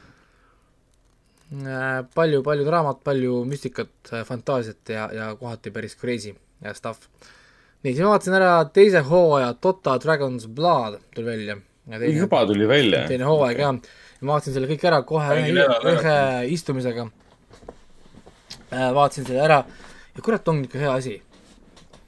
on ikka hea asi, ta on kohati ikka nii Castlevanialik äh, powerhouse animatsioon um,. aga ta ei ole nii hea kui äh, Castlevania või ta ei ole nii hea kui Arkane. siin on selgelt puudujääk äh, ja ja, ja üks puudujääk või selgelt on see, et teil ei ole sellised bu- budget'id nagu on Arkane'il või kas kellelgi üldse on selline budget nagu oli Arkane'il. et ähm, aga ei, ta on kvaliteetne, vägev, puhas niisugune dragon sci-fi, sci-fi fantasy niisugune muinasjutuline fantaasia, draakonid, kaklemine, veri, ehk siis niisugune väga klassikaline videomängulik stuff. ütleme, võrreldes Arkeeniga, mis oli niisugune mõnus niisugune draama ja power stuff, siis siin on, nad on nagu nii erinevad ikkagist, et need on nagu raske samale pulgale nagu panna. nii et, et jaa, aga Dota on teise hooga tagasi, ta otseselt nagu järgi ei andnud, nii et niisugune ikka endiselt niisugune kaheksa-kümme animatsioon, suht kiire tempoga läheb mööda, aga lihtsalt jah, teise, teine hooaeg on rohkem fantaasias kui esimene. Esimene nagu hakkas minema, siis teine on juba päris draakonid ja draakoni battle'id ja ainult mingid maagiad ja jumalad ja värgid, nii et peab olema valmis sellise asja jaoks. siis ma vaatasin ära Netflixis The, The Puppet Master Hunting the Ultimate äh, Conman või Ultimate Conman, mis on siis Netflixis limited series äh,, kolm episoodi vist oli või neli episoodi. põhimõtteliselt räägivad ühest äh, mehest, kes on paarkümmend aastat inimesi niisugune nagu petnud ja põhimõtteliselt hoiab nagu pantvangis pettustega, hoiab pantvangis inimesi äh,, väites, et ta on umbes mingi MI5 salaagent ja siis on toimumas mingisugused erinevad niisugused operatsioonid või salaoperatsioonid või asjad ja siis ta värbab nagu inimesi nendesse protsessidesse, aga tegelikult neid ei ole olemas. see inimene on lihtsalt suvaline conman, aga need on nii veenvad protsessid, et ta värbab inimesi kümneteks aastateks nendesse protsessidesse, kus inimesed töötavad nagu varjunimede all ja asjadega ja töötavad tema heaks, teenivad talle rahasid ja asju, arvates, et nad töötavad äh, mingisuguse salaorganisatsiooni teel, mida, mida, keda tegelikult pole olemas. et äh, ta räägib siis sellest nagu mehest ja, ja milliseid perekondi ta on lõhkunud ja kuidas see protsess käib ja kuidas õiglussüsteem veab alt, kuidas on võimalik sõna, sõna, sõna, sõnamängudega äh, mängida ümber oma karistusi ja asju ja, ja niisugune niisugune, niisugune lugu, see on lugu on lahtine alles, nii et äh, jah, mille pärast nad tegid selle ära, ilma et isegi oleks äh, lool mingi konkreetne lahendus. Äh,. siis vaatasin teise hooaja töö Degenerates, see on jälle üks Netflixi stand-up komöödia niisugune seriaal, neil on Stand-Up, siis neil on see erinevate nimedega, miks on nagu stand-up seriaale, kus kohas antakse siis mingeid pooletunniseid slotte nendele, kes selgelt ei ole valmis tegema tunniajaseid slotte veel ise siin vist oli viis tükki neid äkki või midagi sellist. ja ma kuulasin kolm tükki algusest lõpuni. ja üllatusena ma ei, ma ei kuulanud algusest lõpuni kahte mustanahalist esinejat. sest naine, naine tuli sisse, al-, alustas oma stand-up'i Dear White People. ja siis umbes viis minutit ainult rassiline ränd Mm. ja ma ütlesin, et ma ei viitsi. Pointless, see pole isegi naljakas, see on lihtsalt mingi suvaline ränd ja, ja skip isin ja siis paar, kaks episoodi edasi või nii tuli teine mustanahaline mees ja esimesed mingi viis-kuus minutit ainult rassiline ränd. ja see minu arust ta polnud isegi nagu naljakas, vaid ta oli kohati vihane, lihtsalt mingine väljaelamine, lihtsalt white privilege ja white, white, black, white, black, black, paha, paha, mingi, mul oli what the hell, you got issues nagu, nagu konkreetsed nagu probleemid, mis on ei, ma tahan kuulata ko- komöödiat siis see Nicky, Nicky Glazer oli siin üll- üllatusena, ta on ju see tuntud nimi sellest äh, Comedy Centrali roast series, seeriast, kus ta roast ib inimesi. siis äh, tuttav ette. ta üll-, üllatusena pole endiselt ikka veel saanud omale seda niisugust äh, nagu omaette stand-up äh, äh, noh, nagu niisugust pikka stuff'i, teeb ikka niisuguseid lühemaid asju. ja üllatusena, üllatusena ta rääkis terve aeg oma vagina põhimõtteliselt. Selline niisugune veidralt klassikaline naiskoomikute huumor keskendub ainult oma hargi vahele, nagu see huvitaks mind või huvitaks kedagi teist. et, et, et äh, see tähendab muidugi, et see võiks nagu naljakas olla, et, et olid küll mõned naljad, aga, aga see on nii nagu obvious, kui sa punchline'id asjad sa tead ette, kõik on täpselt nagu see Amy, see on see Amy Schumeri huumor ja huumor ja siin on teiste niisugune huumor et noh, need võrdlused näiteks äh, meeskoomikud, millest need rääkisid seal osad? üks, üks rääkis vaaladest. vaaladest? jah, vaaladest Mm. et, et kuna vaalu kuuleb nii kaugele, vaata, vaalad kuulevad üksteist nii kaugele, et näiteks kui üks vaal tahab teisele rääkida saladust ja sosistab, et kuule, et see, kuule, David on, David on jobu ja siis see David tuleb Iirimaa tagant välja, ahaa, ma kuulsin sind, sa teadnud, et ma olen Iirimaa taga peidus. no näed, no näed Iirimaa taga veidus. ei no aga, aga nüüd võelge materjali. üks räägib lihtsalt mingist vaaladest, üks rääkis autorehvide vahetusest seal, üks rääkis, et kas olete talvel proovinud vahetada kojamehi. ja, ja, ja sellest teeb mingi nagu sketši, mingi viis, viis minutit sketši. noh, sa saad nagu naerda ja olla. noh, ehk siis niisugune nagu ei ole mingit ei rassi, ei mingit, ma ei tea, organeid või, või, või mingeid asju, lihtsalt niisugune mõnus, lihtsalt lihtne materjal. noh, ja, ja see toimub ja sa naerad, sest ma olen väsinud juba, kui mingi mustanahaline koomik tuleb ja hakkab, hakkab pihta lihtsalt. Oh white people, I don't understand you white people. siis nagu tuleb ja tuleb ja tuleb ja siis nagu noh, tee mingi nali või, või asi või leia mingi muu materjal ka. Nope, ainult noh, nagu selle ümber mis on, mis on huvitav, et kas nad siis, kui nad teevad oma stand-up'i kuskil open night, open mic eventidel, kas siis seal ta läheb peale või ma ei, ma ei tea, ma ei tea, kuidas, kuidas see nagu neil toimib. et nagu materjali valik on niisugune nagu veider, mida ma tegelikult noh, ei, ei nagu mõista. et, et, et seal üks väli, väli, välismaalane keskendus seal palju ka nagu ingliskeelsetele sõnadele, silent letters, noh, et miks teil on olemas nagu silent letters, kui te ei kirjuta neid, et miks te raiskate paberit ja aega aga miks, miks need üldse olemas on siis? jah, et miks sa nagu, miks sa kirjutad need, et see on lihtsalt pettus ja see on pet-, pettusskeem, et panna meid äh, rohkem äh, tinti kulutama, et need tindikompaniid saaks müüa, vaata, meil rohkem pa- pastakaid. sest me tegelikult ei kasuta neid ju sõnu, me, me ainult kasutame neid ainult kirjutamise jaoks. mingi noh, nagu niisugune nagu lihtne stuff. ei tea, vaatasin nagu ära, aga jah, ma saan, ma saan aru, miks ühelgi nendest koomikutest pole pikka stand-up'i. et, et sa saad sellest aru et neil oli isegi keeruline seda pool tundi ära nagu täita, sa tundsid, kuidas nagu kakskümmend minutit täis ja nagu it, it's, it's getting cringe'i, sest tal ei olnud enam nagu stuff'i, tema momentum on kadunud ja näed, et nad ei suuda seda vedada. ja kui sa vaatad ikka neid professionaale, kes teevad seda tunniseid ja peale, see näeb nii effortless välja, lihtsalt räägib tund aega sinuga. aga kui sa vaatad teisi, kes proovivad, no see tegelikult, tegelikult on ikka keeruline tegelikult äh,, ikka väga keeruline tegelikult. see Dave Chappelli viimane oli ka vist mingi täispika mängufilmi pikkus lausa vist või? viisteist tund ikka midagi äkki või?, kuskil üle tunni aja vist oli. minu arust oli mingi keskmine. ei, ja nad, nad, nad ikka teevad pikem, pikemad jah, selles mõttes nad ikka see, see oli juba, seda ma nimetaksin lausa filmiks, et ta oli nagu ilus pikk äh, läbimõeldud narratiiv, mida ta erinevaid lugusid täis pani ja see kõik oli üks nagu tervik ja see jumala hästi töötas ka. ei, selles mõttes jah, et kuidagi kuidagi, kuidagi see on nagu niisugune, ma ei oska öelda, materjali valik või on teatud asjad nagu niisugused, millest ma nagu noh, ma ei saa aru. ja mis värk sellega ka nagu on, et äh, kas siis see nagu industry sunnib siis nagu naiskomikut äh, tegema nalja nagu oma argi vahest või, või, või mis värk sellega on?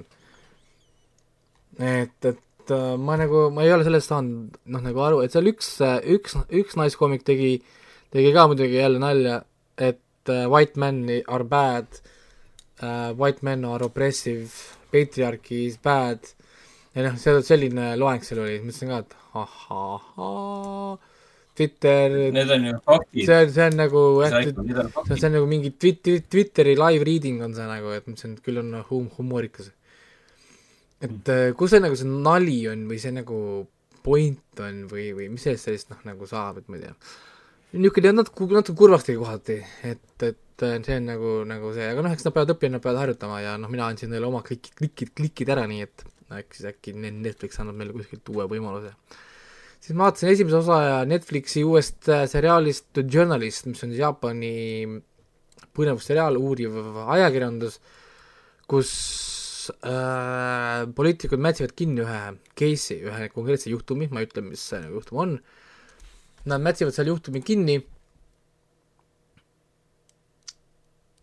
Ja mm., ja, ja, ja siis äh, üks ajakirjanik satub nii-öelda nagu see on nagu luu- juhtlõnga otsa, et hakata nii-öelda siis seda case'i nagu kokku viima, esimene episood väga vähe tegelikult mulle rääkis äh,, mis või kuhu see nagu minemas on, ta lihtsalt vihjas teatud asju ja rohkem näitas nagu erinevaid karaktereid, kes on peaminister, kes on tema mingid abid, kes on seal mingi teine, kolmas, neljas poliitik, assistendid, kes on need kinnimätsijad, kes on need ini- inimesed, keda, kellele anti käsud asjad kinni mätsida ja nii edasi nii edasi.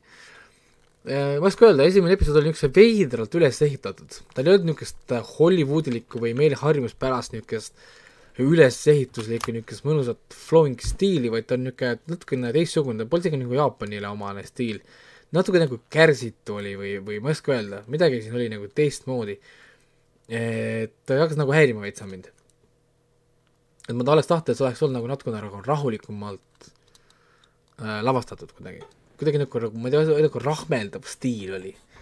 kuidagi oli nagu kiire kellelegi kuskile võib-olla või ma ei, ma ei oska seda kirjeldada, et et, et niisugune nagu veider stiil oli. igal juhul ma jätsin selle pausi sisse, sest esimene episood ei olnud nagu nii väga fancy, et ma nüüd oleks, oi jess, et see on mingi ultravägev, tahaks vaadata. Nope, ta oli niisugune mm,, ma saan aru, mis nad võib-olla tahavad, aga või võib-olla midagi muud, mis meile pakub rohkem huvi. ja täitsa põnev, ma vaatasin ka, et ta põhineb samanimelisel kaks tuhat üheksateist aasta Jaapani filmil, mis omakorda põhines kaks tuhat seitseteist aasta raamatul, et siis raamat, film ja nüüd seriaal juba. Ja no äkki seal on mingi stuff jah, sest, et see siin tundus, et nad ehitavad üles mingit äh, case'i, ma saan aru, et see on kuidagi nagu peaks tähendama hullult midagi või siin on mingi, mingi asi siin taga, mida ma ei taju. ehk tal on, tal on võib-olla mingisugune kultuuriline väärtus, mis pole lihtsalt üle, üle maa ja ilma meieni veel jõudnud mm., äh, mida me ei tea, võib-olla mingi skandaal Jaapanis, mis meieni lihtsalt ei jõudnud um,. siis ma vaatasin äh, Jackie Chan'i filmi, hakkasin vaatama uuesti, ma vaatasin Rush Hour ja, ja tegelikult vaatasime Drunken Master ja vaatasin veel mõned tema äh, Jackie Chan'i filmid ja põhiline, miks ma seda nagu tegin, oli see, et ma vaatasin Youtube'ist ühte videot, kus üks Hollywoodi kaskadöör, tal on üks ähm, äh, oma nagu channel, kus ta proovib siis nii-öelda nagu ise oma oskuste ja oma sõpradega ja tuttavatega, kes on ka kaskadöörid, teha järgi teatud filmide nagu stiile või teatud äh, action staaride asju. Neil on hästi ilus koreograafiad ja värgid ja, ja värgid. ja siis äh, vaatasin episoodi, kus ta kus ta proovis teha, pealegi episoodi nimi vist oligi I tried fighting like Jackie Chan, kui tahate otsida seda videot. see on mingi Mhm. kakskümmend viis minutit video, kus ta räägib siis Jackie Chanist, tema stiilidest, kuidas kopeerida seda ja ka, ja, ja nii edasi. ja siis ta, mulle nii meeldis see. ja, ja sa said aru, kui keeruline see on, sellepärast et Jackie Chani stiili teeb raskeks see, et neil on statsionaarne kaamera ja lai nurk. nojah, sa ei saa kaamera ei lähe järgi. kaamera ei lähe järgi, kaamera ei shake'i äh, ja katte on vähe.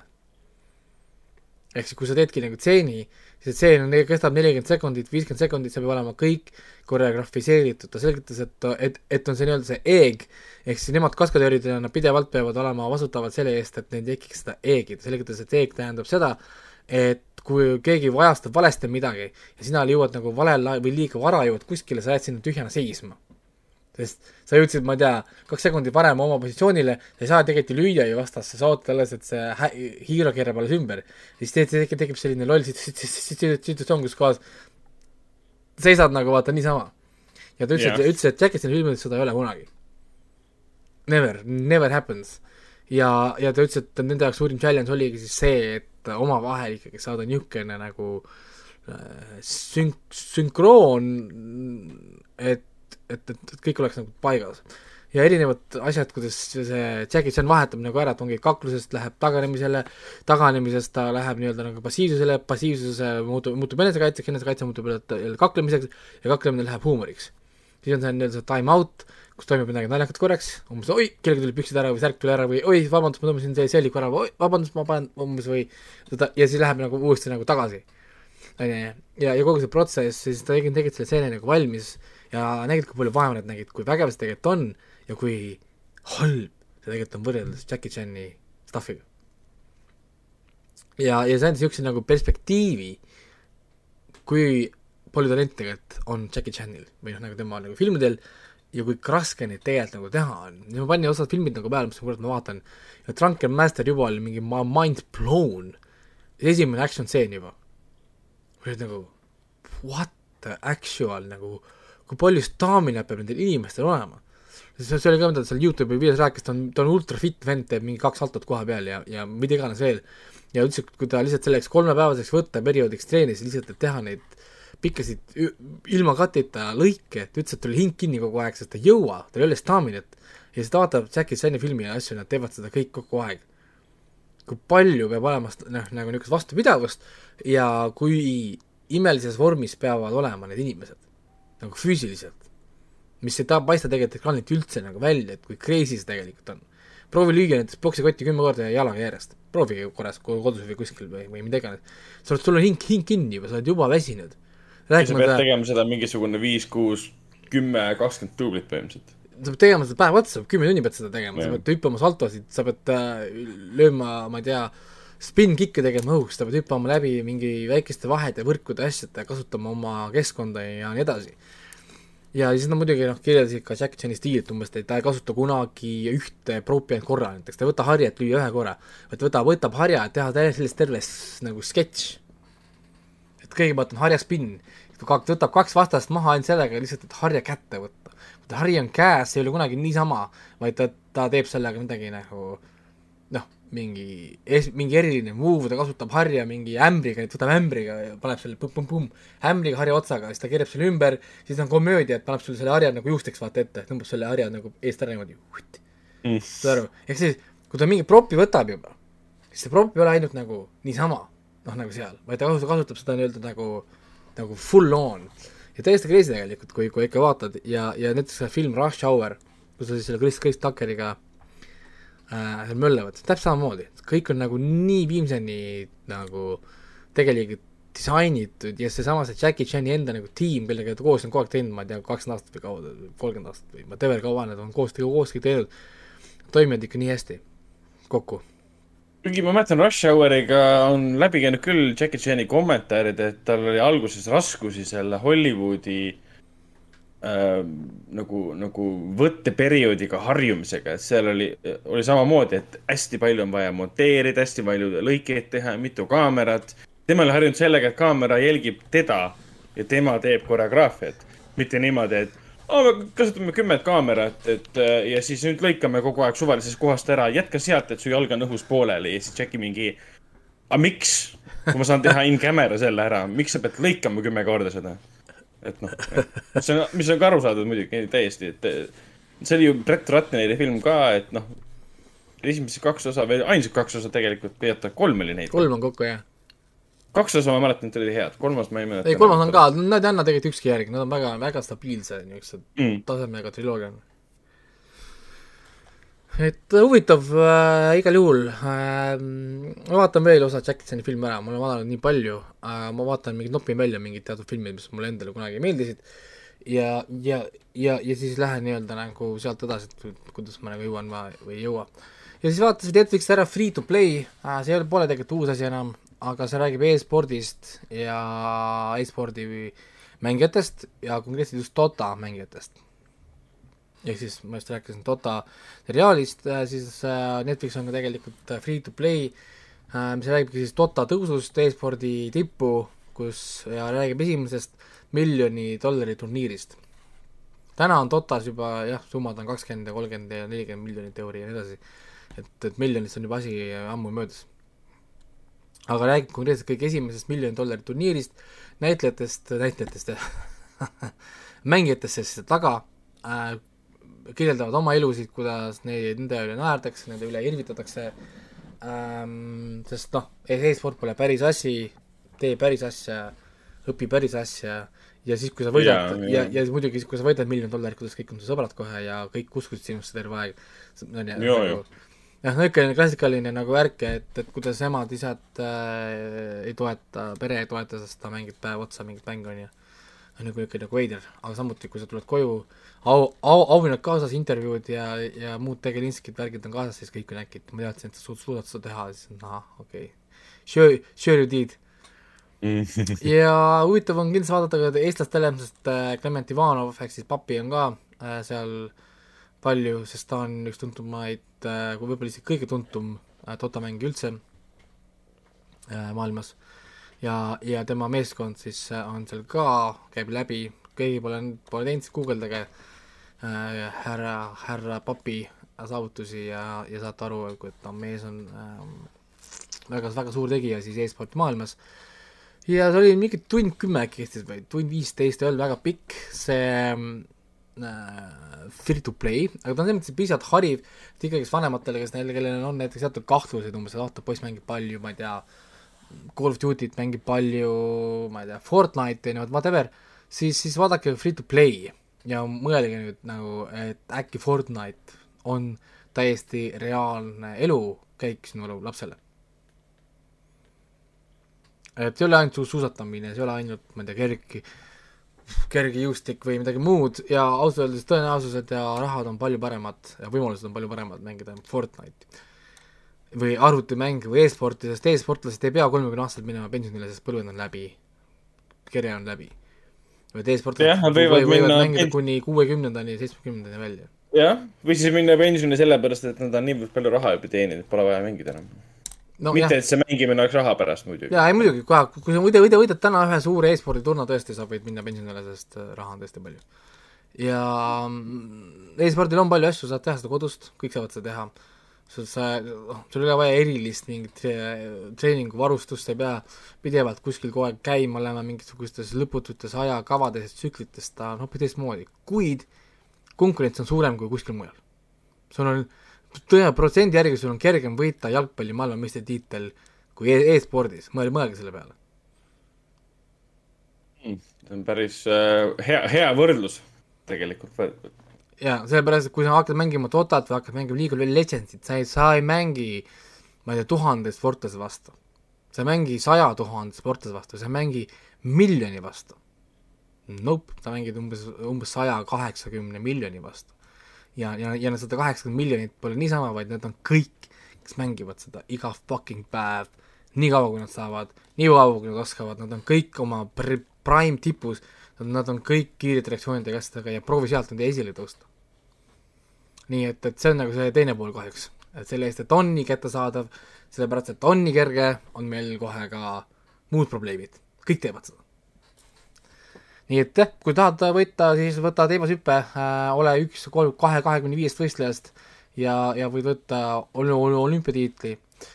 tore, tore ja kihvt on, kõik on tore, aga raha sa selle eest ei saa või äh, võtta arvuti kätte ja otsustada, et sa oled alates tänasest parim lollimängija või, või totamängija ja mine võida endale nelikümmend miljonit euri, palju, aga noh, jah. proovige siis seda mängu muidugi paremini mängida kui eh, need tegelased seal et äh, jaa, huvitav vaatamine tõesti, isegi, isegi mulle, kes tõesti on e-spordi ja muu asjades sees olnud ja möllanud ja põhimõtteliselt enamus oma elust. ja ongi kõik mul vaatamiste ka, kuid ma tuletan meelde, et räige haip on Demon Slayeri teine hooaeg. On jah? oota, mitu osa nüüd väljas on? kui võtta kokku nüüd koos selle äh, Mugen Train argiga, siis on väljas viisteist episoodi. okei okay.. ja sina oled täpselt, täpselt järje peal kokku pidi. olema kaheksateist. ahah ehk siis kolm kolm episoodi episoodi veel vist ja siis ongi vist kõik, mis on tegelikult nii kurb. ehk siis tegelikult äh, kolm episoodi veel ja mina hakkan ka vaatama. siis, siis ma saan lihtsalt järjest vaadata niimoodi, et ma ei pea pause tegema. ja, ja see on küll, ootamine nii vastik, nad, nad teevad rõvedaid cliffhanger'it, tahaks lüüa ja, ja ma tahan, ma tahan seda tunnet, et kui cliffhanger on ära, siis mingi okei okay,, ma panen järgmise episoodi yeah., mitte et kurat, ma pean nädal aega ootama. aga on ta siis parem kui esimene hooaeg ja, ja kas ta ületab seda kõike? ma ei tea, kas ta on parem, ma päris äh, niisuguseid claim'e ei saa teha, sest esimene hooaeg oli kümme, kümme. Aga ta igal juhul on, mitte halb, halvem ka ei ole. mm. -hmm. ta on ikka powerful stuff, suudavad ikka üllatada lõputult oma asjadega, animatsioon on crazy good. Värvid, crazy'd, see Tanjiro Nezuko lõpuks hakkab möllama. Nezuko saab lõpuks oma nagu story'd, värgid kätte, meil on uus Hashira, see kol-, kolme naisega Hashira, kes, kes on siis nagu Rengoku pärast tahab kätte maksta ja värke ja siin on ähm, palju-palju stuff'i, siin on uus vastane, kes on väga crazy vastane. kui Akaza filmis oli Upper kolm, siis nüüd meil on Upper Six on vastane. ja, ja, ja nad on crazy, crazy või?, demonid kõik, kõik, kõik ja, ja see on nii kihvt, ma tahan nii närvi, kui kihvt see on. ja, ja kui cliffhanger, iga kord, on kakskümmend minutit, on mingi neli minutit nagu, siis ma alati kontrollin üle ka, et kas kas tõesti terve osa on läbi või. Kõikide osa läbi vaatad, äkki mul jäi mingi viisteist minutit kuskilt nägemata, sest kus ülejäänud on aga, aga tegelikult ongi ainult äh, kakskümmend minutit kahjuks. aga kas, kas tõesti Demon Slayer on selles mõttes lõpuks meil ainult kaheksateist episoodi, mis tähendab, et me tõesti saamegi ainult üksteist e- uut nagu episoodi või? see oleks naeruväärne, see tähendab seda, et meil on ainult kolm e e- episoodi veel minna. no jah. veits kurb, arvestades seda, et esimene, esimesed, esimesed episoodid on kõik kordused. ei no ikkagi, ja kõik oleks vähe ju, selles mõttes, kui te, esimene hooaeg oli kakskümmend viis episoodi, siis kui me võtame koos Mugen mm., Mugen Trainiga oleks teine episood sellisel juhul ju, tähendab teine hooaeg ju ikkagist ainult kaheksateist episoodi. kus ülejäänud seitse on? nad tegid kõik see aeg. jah, neil on kaks aastat läinud aega, mingi unlimited budget. noh, äkki nagu teeks siis midagi. Popimaid asju maailmas ja nad istuvad näpp perses. ei tea jah, huvitav, et äh, jah, ma näen selles mõttes, tahaks küll teha väite, et äh, Demon Slayer on võib-olla isegi läbi aegade kõige parem show, shounen anime. ehk siis parem kui Naruto, parem kui Hunter x Hunter, parem kui äh, Full Metal Alchemist. nii et, et julged sõnad. jah, aga ennem ei saanud öelda, sest ennem oli ainult üks hooaeg, vaata. nüüd on nagu juba nagu teine hooaeg. ja, ja nüüd tekib, tekib mingi nagu tendents või nagu trend, mida sa hakkad saama nagu aru, vaata. esimese hooaja põhjal sa, sa ei saa võrrelda alla ühte hooaega Demon Slayerit mingisuguse kahe, kahekümne hooaja Narutoga, onju. noh, üks hoidis oma latti kakskümmend hooaega üleval, sa oled teinud seda alles üks hooaeg, vaata. aga, aga nüüd teisel hooaja järgi, kui nad ikkagi sellise tempoga lähevad ja, ja, ja sellist kvaliteeti hoiavad, siis ma usun, et Demon Slayer on kümne aasta pärast või mis iganes aja pärast lihtsalt tuntud kui kõige parem shonen anime. ja, et ma ei ole üldse vaat-, vaatama hakanudki seda uut hooaega nii-öelda. ei seda rongi oma uuesti vaadanud nii-öelda ega uusi vaadanud. aga, aga ma olen juba näinud kuskil Facebookis mingeid pilte sellest, et Nezuko, Nezuko läheb vist käest ära. et Mhm. temaga toimub midagi. ja siin oli üks e e episood, mille nimi oli Transformation ja, ja Neesuko natuke näitas kihvasid mm.. raisk. Mingi promopiltidelt ma olen juba näinud, et mingi, et äh, mis toimub, kas asjad on muutunud et seal või mis värk on? Jaapanis oli muidugi natuke muret, et peale, et see mm, äh, peategelane, see Hashira, see Sound Hashira on äh, kolme naistega, tal on vaata kolm naist, kolm nagu abikaasat on kolme naisega abielus, et see on veitsa häiris siis jaapanlasi ja nende niisugust kultuuri, et äh, üks naine ja üks mees, vaata. et see oli natukene tekitanud muret seal Jaapanis ja siis sellepärast sai, ta sai vist teisel hooajal natukene kõrgema vanusereitingu ja teine, mis mind häiris, oli Nezuko äh, siis Oppai või siis Nezuko rinnad. Oppai. häirisid, häirisid neid ka. et, et äh, inimesed unustavad ära, et Nezuko on Tanjiro vanem õde. mitte väiksem õde. aa, ja nad arvavad, et neil on nagu vale mälestus nii-öelda või? ei no, Nezuko on ju vaata Ta- ta praegu oma ju, ta on oma väikesel kujul seal karbis, Nezuko saab muuta oma suurust. tegelikult ta on täiskasvanud naine ikkagi, kes selles mõttes seal noh, nagu jah. ja, ja karbis ta näeb välja nagu mingisugune kümneaastane. ja, ja siis, kui siin on see suur Nezuko fight siin selle Six Ha- Hashira vastu, siis tal on üks stseen jah, kus ta natukene võib-olla oma äh, oppaid siis seal võib-olla rohkem, rohkem, rohkem näitab, kui, kui inimesed on harjunud ja siis osad olid väga pissed off, ta on Nezuko seksualiseerimine käib mm.. et, et äh, jah, ja siis mulle meeldis, meeldis mis, üks, üks, üks, kihv või meem on see, et kus üks tegelane ütleb teisele, et uh, she is very young, we try not to sexualize her. ma ei mäleta, mis, mis animatsioonist või kuskohast see see pärit on on? Community'st, Annie is very young uh, we try not to Aa. sexualize. see on Community'st. see on täpselt tekst, kuidas sa ei Annie tea oli? tegelikult, Annie oli tegelikult ju täiskasvanud inimene. ja, ja, ja. ta oli iseloomult noor nii-öelda. nii et, et äh, mu- minul on selles mõttes kõik, et tõesti soovitan vaadata Demon Slayerit, sest äh, praegu väga naljalt paremaid animesid ei ole, ma vaatan siin jooksvalt neid veidraid uusi isekaisid, mis siin äh, jooksevad ja, ja, ja pole nagu midagi niisugust väga uut fancy't leidnud, no mingid asjad ma lõpetasin ära, ma praat-, Platinum Endi jätsin natukene pooleli, sest läks igavaks ära, et see moodsa aja äh, Death Note my ass ja mm, niisugust noh, pole nagu niisugust väga vägevat leidnud, Cobra Kai endiselt veel natukene kõditab, et tahaks nagu järgmist hooaega saada. pean ootama mingi rõvedat aasta aega, et, et väga annoying. et lugesin ühte pikka huvitavat artiklit, mis üritas selgitada, et miks Cobra Kai on nel-, neli hooaega hoidnud mingi lati põhjas täiesti, onju, et kuidas ta, saab olla üks asi nii kvaliteetne nagu noh, läbi, läbi ja lõhki proovisid seda sel- selgitada ja, ja lihtsalt, lihtsalt niisugune Cobra Kai'st, endiselt oleme Cobra Kai lainel, kuigi juba kuu aega varsti, varsti, varsti möödas. Nii et jah, mul selle aasta list hakkab vaikselt võtma mingit kuju. Äh,, ongi Archive kaheksakümmend üks juba, ma saan panna listi, ma saan panna Dota Dragon's Blood juba listi, ma saan äh, panna selle Cobra Kai juba listi. Äh,, mul läheb äh, Demon Slayer hooaeg läheb juba listi, nii et mul vaikselt juba mingi top kümme hakkab siin juba võtma vormi äh, asjadest. aga jah, filmidega ma olen natuke, noh, natuke nagu maas jah, sest ma uusi filme olen tõesti vaadanud äh, väga vähe, et see aasta olen vaadanud ainult selle aasta filmidest selle äh, The Whole Truth vaatasin, vaatasin ära. Ja see Brazen oli selle aasta üks uutest vist ja ongi kõik vist, nii et mul polegi see aasta, see aasta algus on mul filmidega väga nigel, ütleme noh, nagu uute filmidega just. kas ma nägin, et see Preisen oli vist Eestis täitsa, täitsa populaarne? oli küll jaa, aga see on, see on just, see on saast-, see on saasta, saasta kino, aga samal ajal Eestis on number üks too uh,, too hot to handle, nii et äh, olgem ausad, siin on teatud puud- eestlased, miks, miks te vaatate sitta, et noh, seal on teatud puudujäägid, et kõik, kõik, kõik need seal va- Vabadusel platsil, kes te pro- protestite ja telefonis samal ajal vaatate Netflixis the Too hot to handle, siis why õigus jah, are- see oli, see why oli ka, vahe. why are you do, why are you doing this? siin miks sa oled selline, nagu sa oled?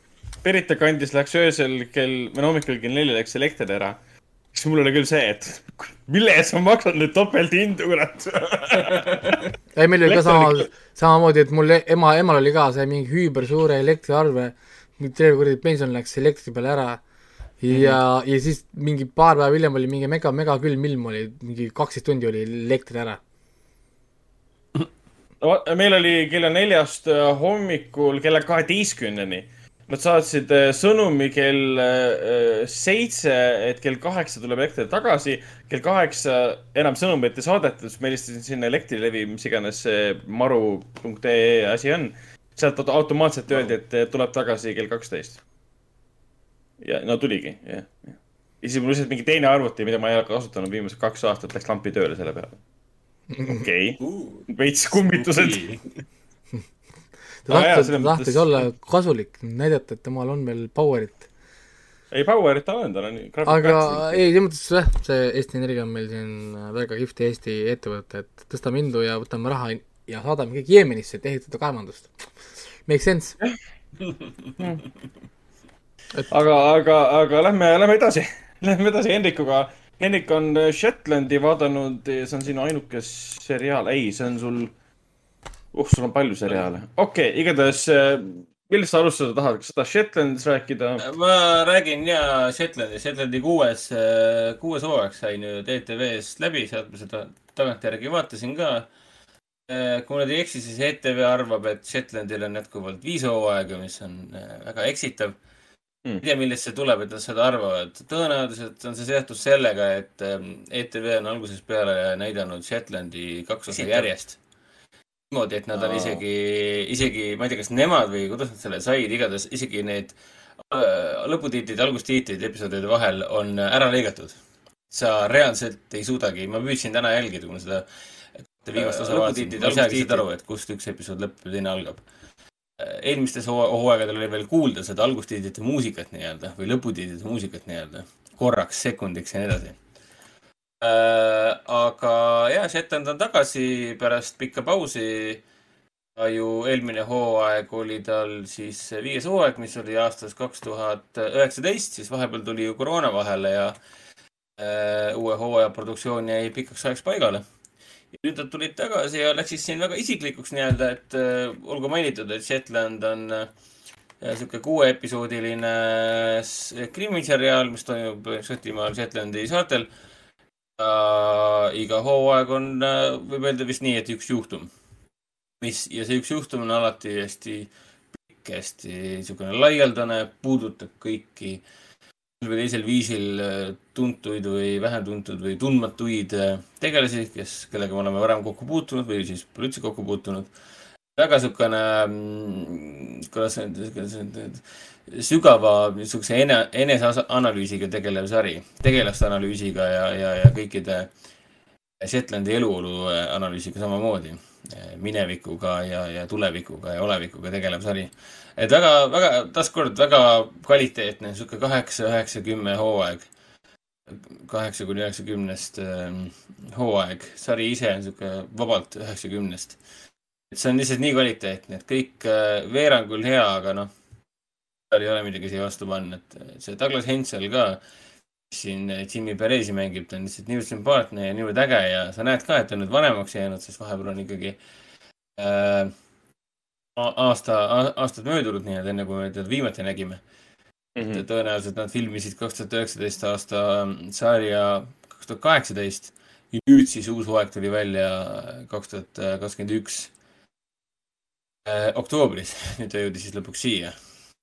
et, et jaa, ääretult kihvt seriaal, et niisugune iga reedene, iga laupäev on, iga nädalavahetusene niisugune suur äh,, väga oodatud seriaal, mille me siin äh, teed hommikusöögi ära ja pistad, pistad titele pudru suhu ja paned Shetlandi tööle ja oo, murvad ja Jimmy Perez ja mm..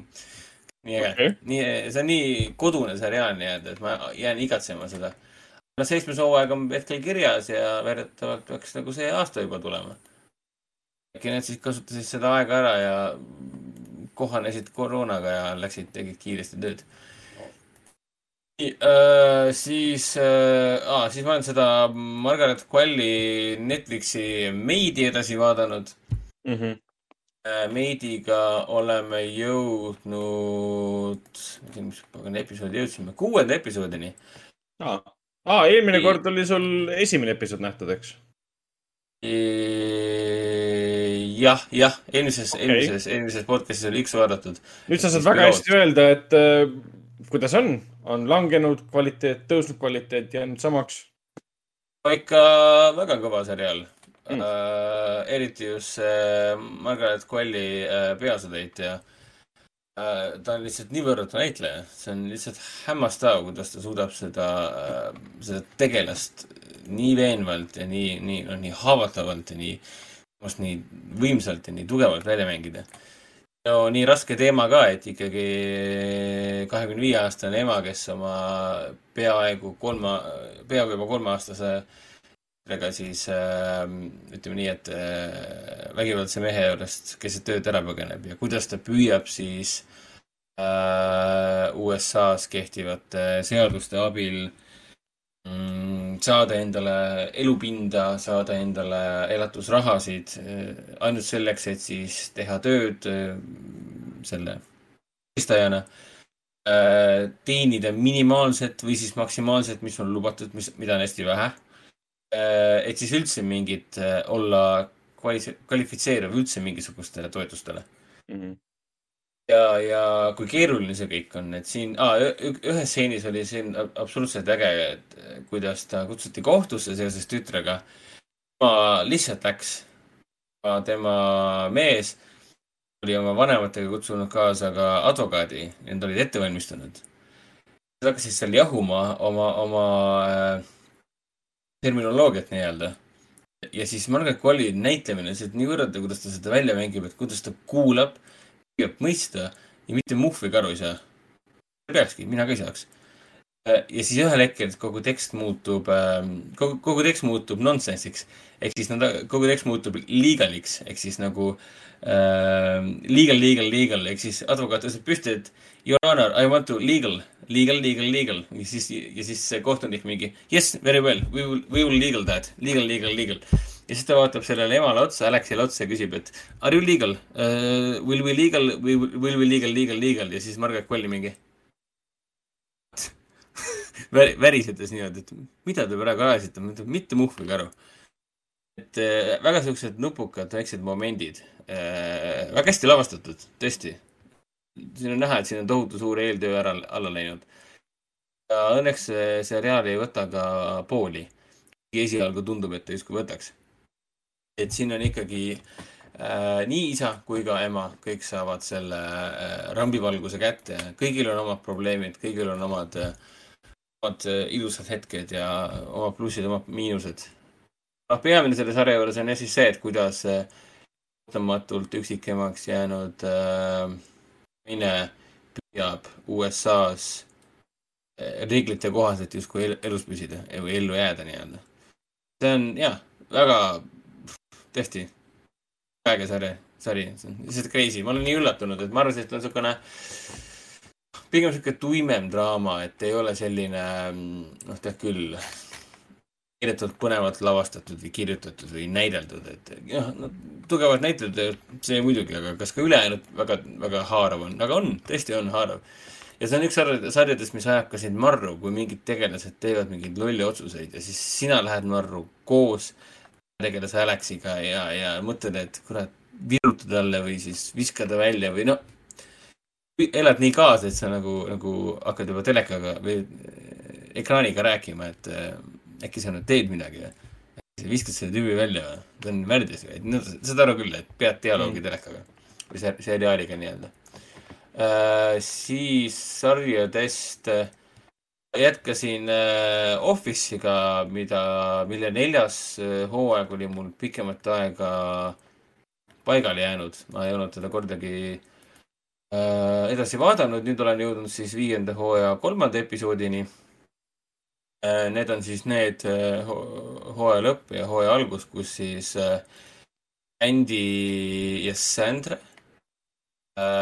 tegid selle Andy tegi Sandrale abielu ettepaneku ja Sandra võttis selle vastu äh,. oli Angela, mitte Sandra, sorry, Angela äh,. ja Andy on siis ähm, Ed Helms, see üks uutematest tegelastest, hästi ebameeldiv tegelane.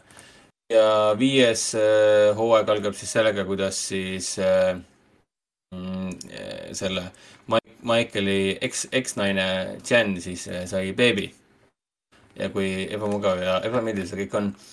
jah, ei, Office'il pole vaja pikemalt peatuda, ekstreemne kvaliteet, mida lihtsalt paned peale ja järjest, järjest naudid ja naudid ja naudid ja naudid, et kindlasti pole ta seriaal, mida vaadata võtaks, vaid ainult sajaprotsendilise pühendumusega. nii et Ütle- Office, kui ütle korra numbriliselt üle, et kus sa pooleli olid? kolmas hooaeg. vii-, ei, viienda hooaja kolmas osa on praegu mul. viies, okei okay., mina olen äh, neljas ja kolmas. Ma siis spoilerdasin sulle midagi või? ei no ei ole hullu lihtsalt, et ma, eks mingid No, detailid on- ikka, vana seriaal, vaata seal mingid asjad tulevad läbi info. jah, et see on aastast kaks tuhat viis pärit äh, sari, nii et noh, kui see on spoilerdamine, siis noh, sorry äh,. siis ah,, seda Ricky Gervaisi Afterlife'il tuli nüüd kolmas hooaeg välja äh, kohe siin aasta alguses Netflixi. See on siis see seriaal, kus ta on äh, hästi-hästi kurb lesk, sest ta naine suri vähki siis kogu see Afterlife ongi siis selles, kuidas ta muutub äh, mürgiseks tõpraks, kes vihkab kõiki enda ümber iseennast ja oma elu ka. lõpetud oma koera, oma naist, kes on surnud äh,. esimesed kaks hooaega olid äh, jah, ühed mu lemmikumad, väga-väga nauditavad, väga ka Ricky Gervaisilik mürgine must huumor äh,. hästi naljakas ja samas ka hästi masendav see kombo nagu töötab väga hästi, et nüüd ma sellest uuest hooajast vaatasin esimese osa ära, et näha, kas see toon on kuidagi muutunud ka. tundub, et kõik on sama, mina olen rahul äh,. seal on vähe hooaegu, vähe episoode on ühes hooajas, nii et ma selle vaatamisega väga ei kiirusta, aga kindlasti vaatan ta ära äh,. siis äh, noh, of Boba Fetti, mis ta nüüd oli, neljas osa tuli välja vahepeal ju, kui ma nüüd ei eksi neljas jah. äh, saan aru, et äh, internet või sotsiaalmeedia tahab mulle kogu aeg rääkida, et äh, neile neile ei meeldi. Et neile ei meeldi Book of äh, Boba Fett. ja nad räägivad mulle, et see on pidev, pidevalt tõestab, kui suur pettumus ta on võrreldes selle Mandalorianiga.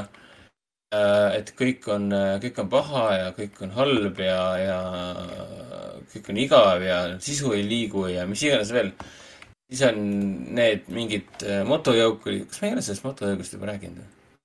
Äh, korra mainisime küll jah. motojõuk sai puid alla ja eriti see tagaajamisstseen, mis ma ei tea, mind ei, mind ei mõjutanud karvavõrdki, ma lihtsalt vaatasin ja nautisin, et jah, see on tagaajamisstseen, see on huvitavalt tehtud ja tehti jah kõvasti nalja selle üle, et äh, maailma kõige igavam tagaajamisstseen, sest need mootorrattad nii-öelda või need hõljukmootorrattad olid väga aeglased.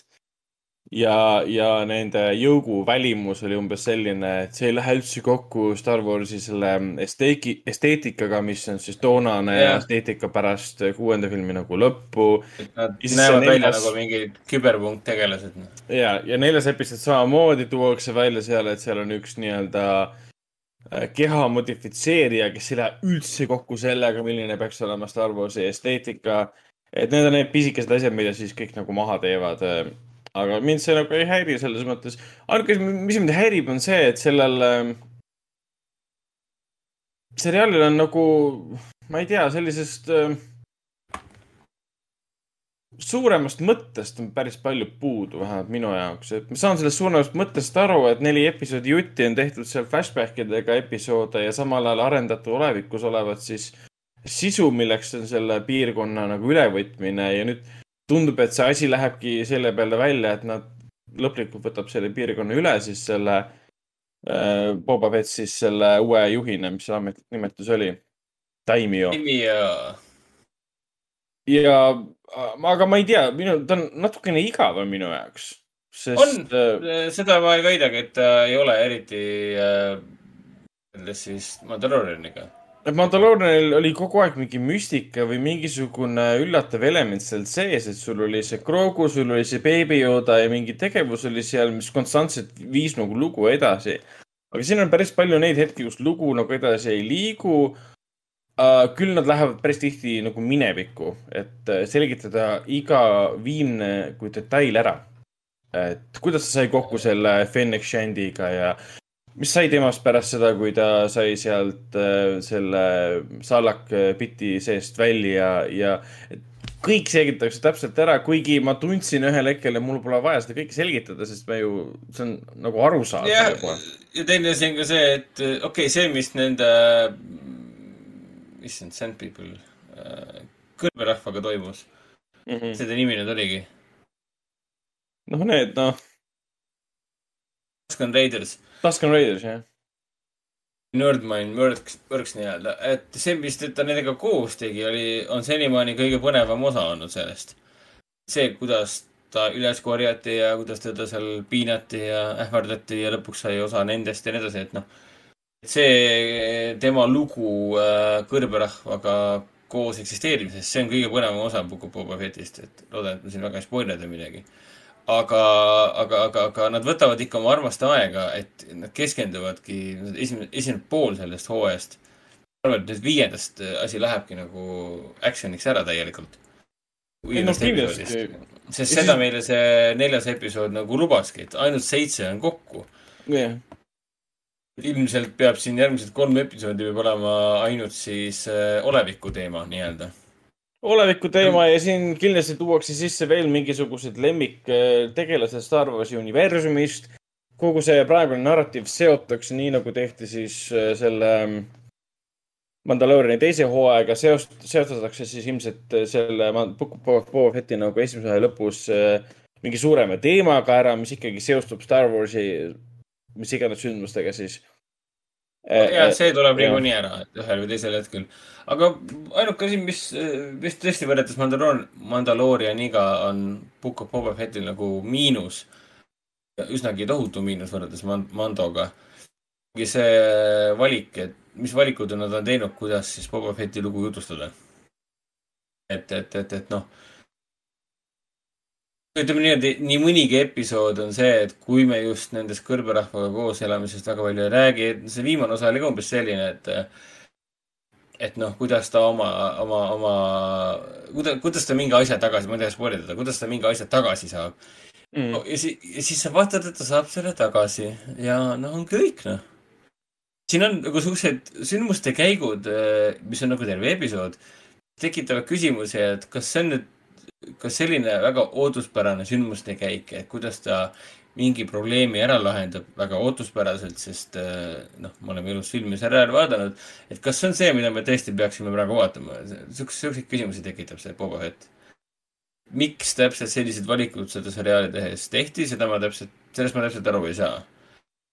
eriti võrreldes Mandoga, et eh, Mando hoidis seda salapära ja siin Boba oleks võinud ka hoida seda salapära, et noh, kes Boba tegelikult, kelleks Boba tegelikult saanud oli, võib vist nii öelda või?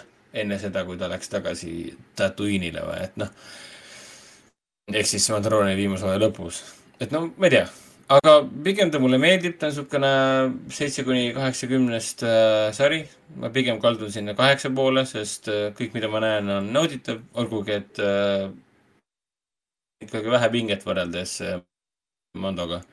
Aga noh, kõike ei pea Mandoga võrdlema ka. ma arvan, et see on täiesti objektiivne äh, etteheide küll, et need äh, narratiivi valikud on siin need, mis siis tõmbavad seda pinget kõvasti maha ja, ja, ja ajavad seda fänniarmeed pigem nagu unele, võib vist nii öelda või? noh, kui sa tõesti teed, no näide on see, et ma teen episoodi siis sellest, kuidas äh, peategelasel on äh, ja lemmi, lemmikloom, koer on kadunud, siis ta võtab partneri ja näitab, et näe, lemmikloom on seal vangis. Lähme röövime ta tagasi mm.. ja siis valmistame ette ja lähme röövime ta ära. siis on episood lõpeb ära. et noh, see on umbes selline näide, et kas siis tõesti selliseid, selliseid lugusid peab siis jutustama, et noh, jah. see selleks, ma arvan, et nüüd, nüüd läheb põnevaks ära. tundub No, et nüüd, nüüd läheb action'iks., eks neil see argument, et, et kas esimesed neli episoodi peavad olema tõesti sellised, enne kui asi muutub põnevaks või ta võiks kogu aeg põnev olla, nagu Mandalorian oli. aga noh, vaatame.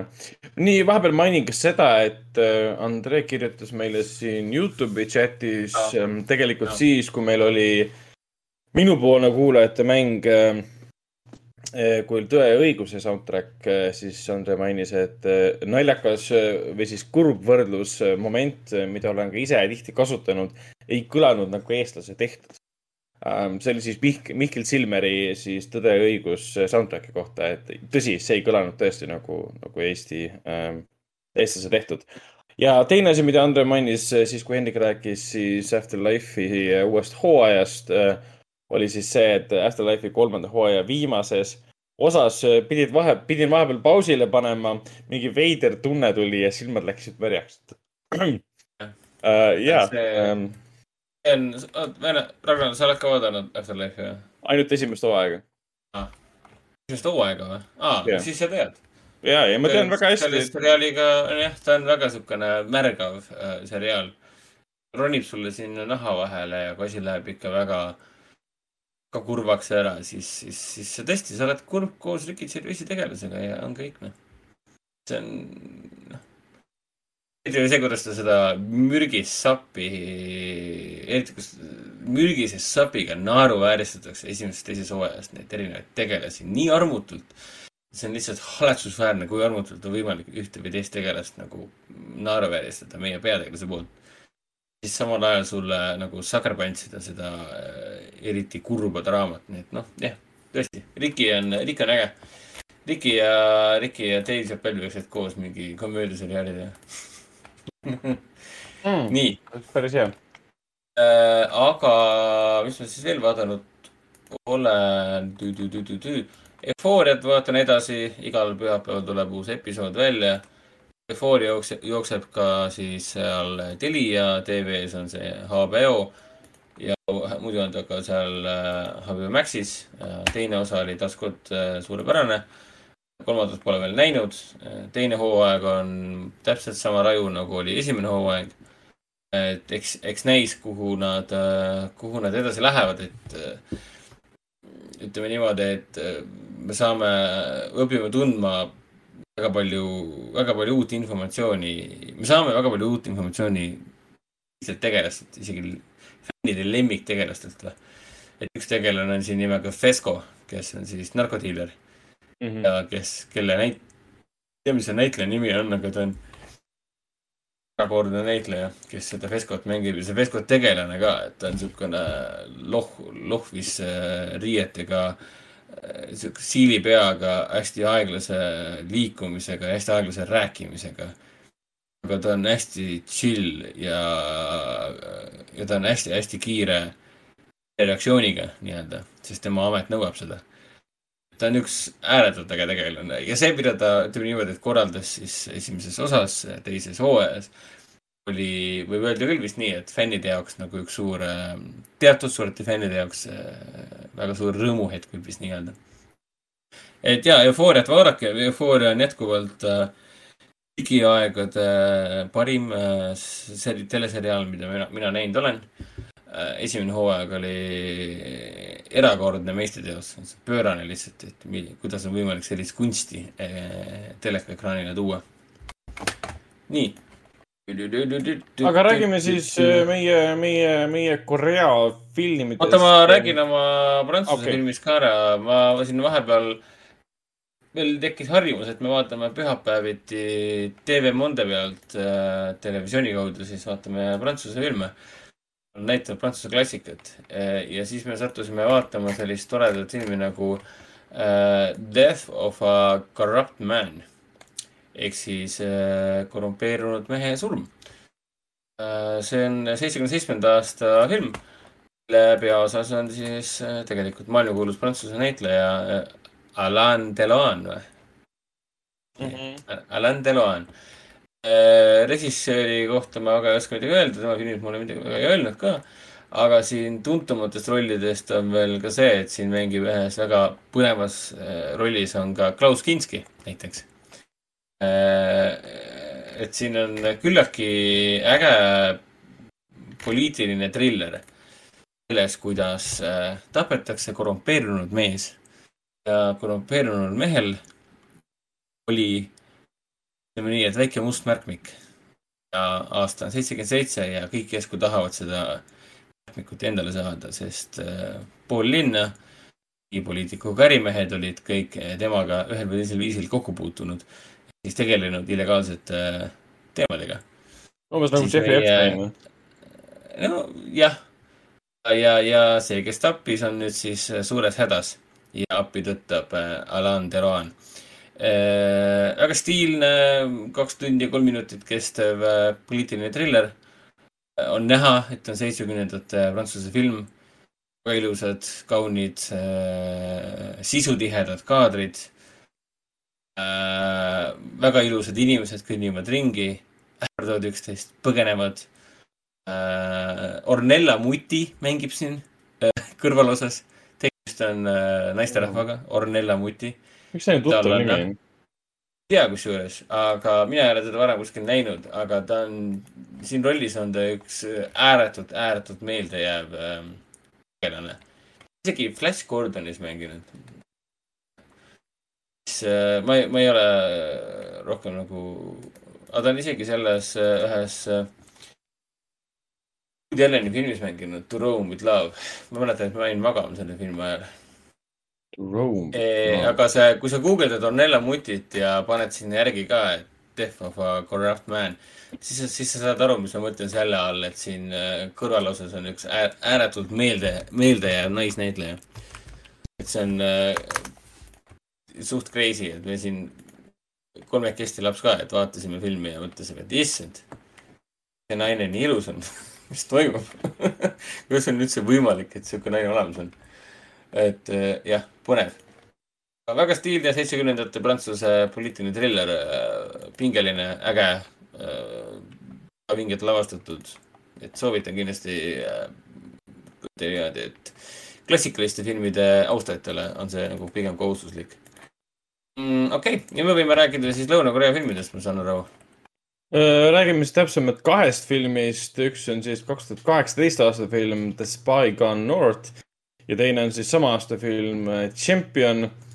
alustaks siis samas järjekorras, kui me nüüd vaatasime. Champion on aastast kaks tuhat kaheksateist ja miks me teda tegelikult siis vaatasime, ei olnud sellepärast, et lugu on äh, käesurumise tšempionist ja tema siis äh, nullist kümneni tõusmisest tegelikult pääseme sellepärast, et filmi peaosas on Ma Dong-seok, keda ma hääldasin. kusjuures mulle, mulle öeldi, et äh, tema, tema nime tuleb hääldada, sõber ütles, et tema nime tuleb hääldada Sokina. Adong Sok. Ma Dong-seok, Sok. Keda Ma- muu Ma- maailm tegelikult tunneb siis Don Leena. Don Leena, ta oli näiteks äh, selles äh, Eternals igavesed filmis ka, kus ta mängis siis äh, Gilgameshi. muu maailm võib-olla tutvus temaga täpsemalt siis, kui Train to Busan välja tuli aastal kaks tuhat kuusteist, mis purustas kõikvõimalikud rekordid, sai järje, tehakse remake'i. meie tutvusime temaga läbi siin Along with the Gods'i filmide, mida oli siis kaks tükki. Ja tal on lõputud filme tegelikult olnud äh,, alates sellest, et tuleb välja, et ta mängis ka selles ähm, The Good, Bad and the Weird'is äh, Kim Jong-Uni filmis ja, ja Nameless Gangsteris ja mm, ta oli Love nine one one'is ka tegelikult, mul tuleb nüüd meelde jah, et äh, see on väga, väga hea film, Love nine one one. ja, ja kus ta siis vahepeal veel oli? see on see film. ja, ja, see oli hea film, jah. ja, ja tal oli siin äh, The Gangster palju- Devil ähm,, Ashfalli Jaa. oleme temaga näinud äh,. tal on väga kõrge profiiliga need äh, Korea suurfilmid olnud, et noh, Nameless Gangster ja äh, seesamune, mis sa praegu ütlesid, Ashfall ja kõik need on Jaa. ja Outlaws, need on väga edukad, väga kriitiliselt hinnatud äh, Korea suurfilmid. et film ise on tegelikult äh, väga tugev, võttes arvesse siin, et äh, me vaatasime ainult näitleja pärast, aga saime tagasi ka tegelikult hoopis äh, väga üllatava ja emotsionaalse elamuse. lugu räägib siis, räägib siis Markist. Mark on väga ameerikapärane nimi. ja see on seda sellepärast, et äh, Ma Dong-Sok mängib siis Marki, kes on USA-s üles kasvanud pärast seda, kui ta väiksena adopteeriti USA perekonna poolt ja ta ongi mingi kolmkümmend aastat USA-s elanud ühel hetkel ta saab siis uue võimaluse tulla tagasi Koreasse ja läheb otsib oma ema. aga ema otsi tees ta leiab endale uue perekonna. aga see ei ole, see ei ole kindlasti kõik nii lihtne, et eh, miks ta üldse ema otsib ja miks ta tagasi tuleb, on sellepärast, et ta on eh, USA-s oli väga pikalt siis käesurumise meister, USA meister. ta olnud vist nagu maailmameister veel, aga USA meister nagu esimesel kohal ja siis tal oli väike sihuke fall from grace äh, seoses st- steroidide kasutamise siis süüdistusega ja hakkas USA-s tööle siis turvamehena, on see siis klubides või poodides ja nii edasi. ma, Magnum Shock mängib siin väga suurt meest, nagu tohutult suured käed lihtsalt nagu paisuvad niimoodi ja ta on täpselt sellises, sellise rolli, rolli talle antud, et kui ta nüüd äh, teiste inimestega kokku puutub, siis kõik ehmatavad ära, kes seda näevad, et äh, et kui on mingid pahad mehed maffia poolt, kes ähvardavad kedagi ja näevad teda, siis on kohe mingi, vau, me tuleme järgmine kord tagasi, me ei taha sinuga suhelda. see on hästi naljakas jah, et mingi, me oleme karmid gängsterid, tuleme siin raha nõudma ja siis näevad, näevad nurga pealt, kuidas siis äh, meie, meie käesurumismeister läheneb, näed kohe Jah. mingi. okei okay,, nüüd lähme ära, meile, meile aitab tänaseks. et kuna, kuna see on Korea film, siis see on, see on segu spordidraamast, draamast, ta on komöödia, kohati isegi, isegi nagu action film. ta on kõige selles, gängsterifilm ka, et ma ühes saates ütlesin ka, Korea filmid töötavad minu arvates kõige paremini siis, kui nad segavad erinevaid žanre ja väga julgelt seda teevad, sest siis mulle tundub, reisijad tunnevad ennast kõige mugavamalt. ja, ja ühelt poolt on jah, see lugu sellest, kuidas Mark leiab endale uue perekonna, kelle ta siis kolmkümmend aastat tagasi nagu kaotas oma ema kaudu. ja teiselt poolt on ta spordifilm mehest, kes on nagu häbistatud endine sportlane, endine maailma tipp, kes saab siis Koreas uue võimaluse tippu tõusta algab, alustab sellega siis väga sellistel, sellistel kahtlastel viisidel. see on siis gambling ja kõik see, et eh, kuidas siis maffia teenib raha tema pealt. No klassika, öeldakse, et palun võida, võida, võida ja siis öeldakse, et me maksame sulle, et sa kaotaksid. Ja tema ei ole sellega nõus, sest ta on väga moraalne mees. ja lõpuks ta muidugi läheb legit ja osaleb päris võitlu-, võistluses ka. Ja, ja siin on palju ägedaid elemente ja kõige võimsam ja ägedam element on ikkagi Shack ise. Et kui tema kõnnib ringi ja tema puutub kokku teiste inimestega, on nad siis naised või mehed, inimesed, kes muidu on ohtlikud, kes teda ähvardavad, siis tema on nagu tank, kes neist kõigist läbi läheb. aga ta ei ole ka mingi selline tundetu nagu mingisugune Terminaator. et eh, filmi lõpp läheb ikka väga emotsionaalseks ja ta muutub väga klassikaliseks, mõnes mõttes lausa Disneylikuks, Disneylikuks, ma ei tea, Mighty Ducks spordifilmiks kus kogu perekond on ümber, kõik mingi, jaa, Mark, sa, sa suudad seda teha. ja siis ühel hetkel tekib selline animelik teema ka vaata, et kus sul animetegelane on peksa saamas vastase käest, kes on temast tegelikult tugevam ja tema on selleks hetkeks juba väsinud. aga siis ta näeb rahva hulgas kedagi või midagi, mis toob talle tugevad mälestused meelde. ja siis me näeme flashback'e toredatest emotsionaalsetest mälestustest, mis annavad talle jõudu, power'it juurde ja ta võidab selle tema on see kõige õigem inimene võitma, sest tal on positiivsed emotsioonid. ja, ja see on ka ülev film. igatepidi, igatepidi suurepärane film ja kus seda, kus seda näha saab äh,? seda saab, seda saab vaadata, pane VPN sisse, mine näiteks, noh, mine USA-sse või mingi linn ja lähed sinna rakuten.com, kui ma nüüd ei eksi või? võtan sulle üks, kaks, kolm. Wiki.com ehk siis selle nimi on, guugeldades leiab ta üles äh, Rakuten Wiki. ainus, mis sa vajad, on siis see ähm, VPN, see Champion, mis ta nüüd oligi, Champion, ei, Champion.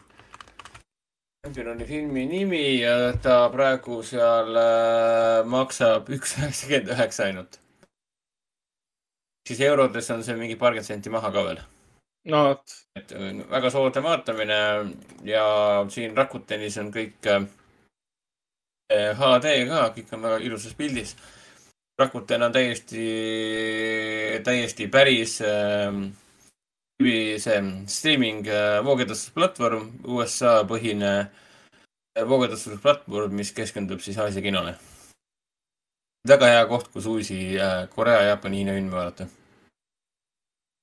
ja, ja teine, teine film, mis me vaatasime, puudutas taaskord siis Põhja- ja Lõuna-Korea suhteid. film nimega The Spy Gone North aastast siis kaks tuhat kaheksateist, kus on peaosas siis teine Lõuna-Korea praeguse suurim superstaar peale Ma Dong-Seoki on siis Fang Yung-min.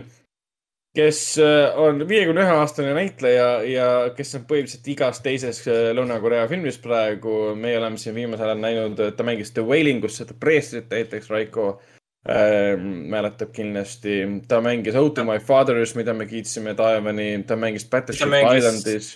selles äh, HÖFFil näidatud Korea action filmis Jaa. tegelas from Evilis mängis peategelast.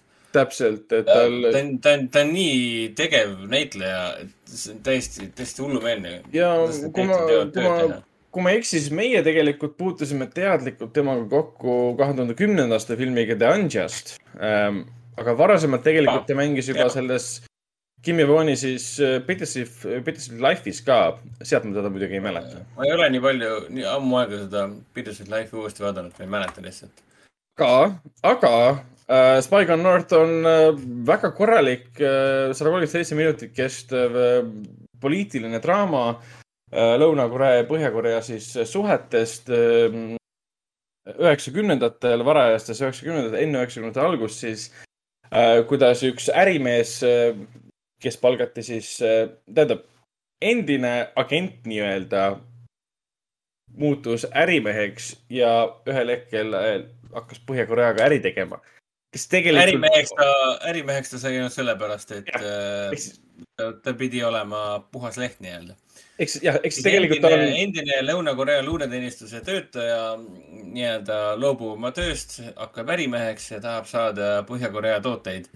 ja siis lõpuks võtab Põhja-Korea temaga ühendust ja ütleb, et kuule, sa oled üsna legit, aga tegelikult on see tohutu suur Lõuna-Korea operatsioon, kuidas saada oma mees Põhja-Koreasse, et teada saada, et faktuaalselt saada tõendid selle kohta, kas, kas neil on tuumarelva arsenal olemas või mitte oli vaja reaalselt inimest Põhja-Koreasse kohalikku sinna, et ta jõuaks äh, kindlaks tehtud piirkonda ja läheks ja dokumenteeriks seda reaalselt. kas need äh, äh, äh, tuumarelvad on olemas või mitte.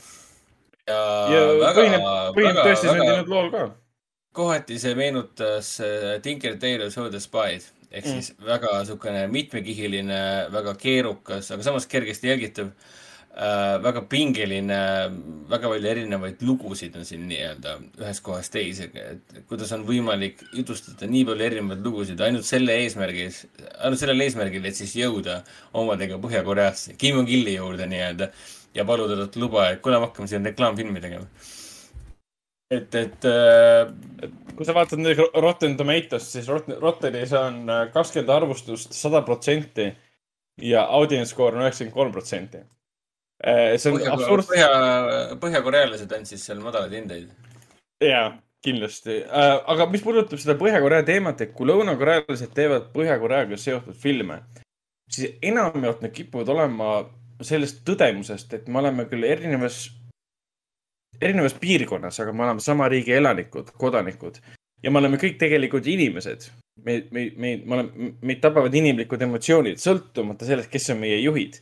ja Lõuna-Korea sihilikult paneb sinna sisse neid teemasid, et kõik need ametnikud, kes tegelikult on Põhja-Koreas, nad sisimas teavad, et midagi on valesti, aga nad ei käitu selle emotsiooni pealt. see on see nii-öelda lõuna, lõunapropaganda, äh, see on, Kim Jong-il on, vähemalt üheksakümnendatel siis Kim Jong-il on ainus, kes äh, usub seda taoliselt nii-öelda. aga kõik ülejäänud mängivad kaasa, sest nad kardavad oma elude pärast Ja no muidugi. neist ei usu tegelikult, et noh, jah. eks see on ka Lõuna-Korea nagu propaganda, kus nad umbes ütlevad, et lõuna, põhjakorealised teavad ju, et tegelikult nad elavad mingisuguses X kohutavas kohas. Come on, sa tegelikult ei tead seda. aga, aga äh, hästi palju põnevaid algi. ma just mõtlesin, kuidas, kuidas nad, kuidas nad seda teavad? No vaata, Nad, täpselt. nad elavad Koreas, nad ei ela Põhja-Koreas. kui sul ei, Ei, ole aga- kui sul ei ole muud elu kunagi olnud siis sa tegelikult ju ei tea. ja ku- kuidas sa nagu tead seda, siis kui sa, mina tegelikult usun, usun, et kui teha seal niisugune õnnelikkuse küsitlus, et nad on täpselt sama õnnelikud kui inimesed mujal. sest sa ei tea, millest sa nagu ilma jääd. inimene on õnnetu siis, kui sa annad talle midagi paremat ja siis võtad selle ära. nojah, noh, nagu, et, et äh, ala, kui inimene kui elab kuskil, mis sa arvad, et Amishid ei ole kuskil väga õnnelikud oma eluga või? Nad on väga no õnnelikud ja väga nagu noh, rahul. ja, ja see on niisugune või ma ei tea, ma ütleme, see on jah, meie mõistes nad on nii-öelda nagu oppressed on ju, aga samal ajal kas me tegelikult teame, ma ei tea üldse midagi sellest, ma ei tea. Eks see on selline Lõuna-Korea selline propaganda ka, mis nad sinna filmidesse sisse panevad, ega nad väga seda erapooletult äh, võib-olla tajuda ei, ei, ei, ei oskagi võib-olla või, või ei tohi, ütleme nii. aga see ei olnud nagu häiriv aspekt, sellepärast et siin oli mõlemat pidi. siin oli nii neid inimesi, kes nägidki oma riiki täpselt nii, nagu nad on harjunud seda nägema ja mitte ükski teine inimene, ükskõik kust ta ka pärit on, ei saa seda neid nagu mõ- mõtteis ümber veenda et äh, ja igatipidi twiste täis äh, väga ägedalt üles võetud film äh,.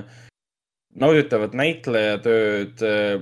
lõpp läks jälle väga, väga emotsionaalseks äh,. suurepärased näitlejad, et ma ei oskagi nagu maha teha seda filmi, välja arvatud see, et äh, kuskil keskelt hakkas lihtsalt kuidagi nagu vajuma mingil hetkel äh, et sa ootasid, et mine nüüd edasi, mine nüüd edasi, et lähme vaatame, noh, lugu võiks vaikselt edasi liikuda natuke see oli, andis, andis endast tunda, aga, aga see on väike siukene, ta on, see on pika filmi probleem, ütleme. ma arvan, et kui me mingit Batman'i vaatame, mis kestab kaks viiskümmend viis, siis meil on samamoodi ühel hetkel, ütleme pärast siin saates, et issand jumal, et keskel oleks võinud kiiremini minna, et. ma saan aru, et sa oled kurb ja ma tean, su vanemad on surnud nagu, saa üle. samas, kui ikkagi kompli- kui ikka komplimendina öelda, et vähemalt minu silmis, et äh, Spy Gone North on, The Spy Gone North on üsna võrreldav Tinker Tailors poolt So, So the Spy'ga, siis minu meelest on see väga suur kompliment. väga hea kompliment. et, et selliste poliitiliste, pingeliste spionaažifilmide austajatele peaks see film olema küll nagu, nagu, nagu äh, summutiga, summutiga käsirelv kuklasse, et noh. ja, aga kus seda filmi näha saab? Äh, Lõuna-Korea Netflixis täitsa olemas selge pilt, aga liigumegi edasi. mina olen vahepeal Seinfeldi ka vaadanud, endiselt ma ei suuda sisse minna sellesse seriaali. taustale ma mõnikord äh, panen teda ikkagi tööle, ma ei taha nagu pooleli jätta, ma sihilikult teda ei vaata, et see ei röövi mult aega nagu ära, aga ma panen ta mõnikord taustale tööle mingeid muid asju tehes. ta on nagu okei okay,, aga ükski karakter mulle ei meeldi. kõik nende tegevused on. Juski või? No jaa, see Kramer on nagu tore, aga ma olen kolmandas hooajas ikka veel, et võib-olla see neljas ja viies kõik lähevad nagu hoopis ägedamaks ja. et ma saan aru, et selle seriaali mõju on palju olulisem kui võib-olla seriaali kvaliteet tegelikult on või ma ei tea, see on väga subjektiivne jälle. ja see viimase aja see meem on ka muidugi What's going on Kramer ja siis paned mingi naljakas asi sinna vahele ja siis et see on muidugi suurepärane, et see on lihtsalt fantastiline ja, ja jah, vot, aga liigume edasi, räägime, räägime kinofilmidest, mis alustasid kahekümne esimesel jaanuaril kinodes.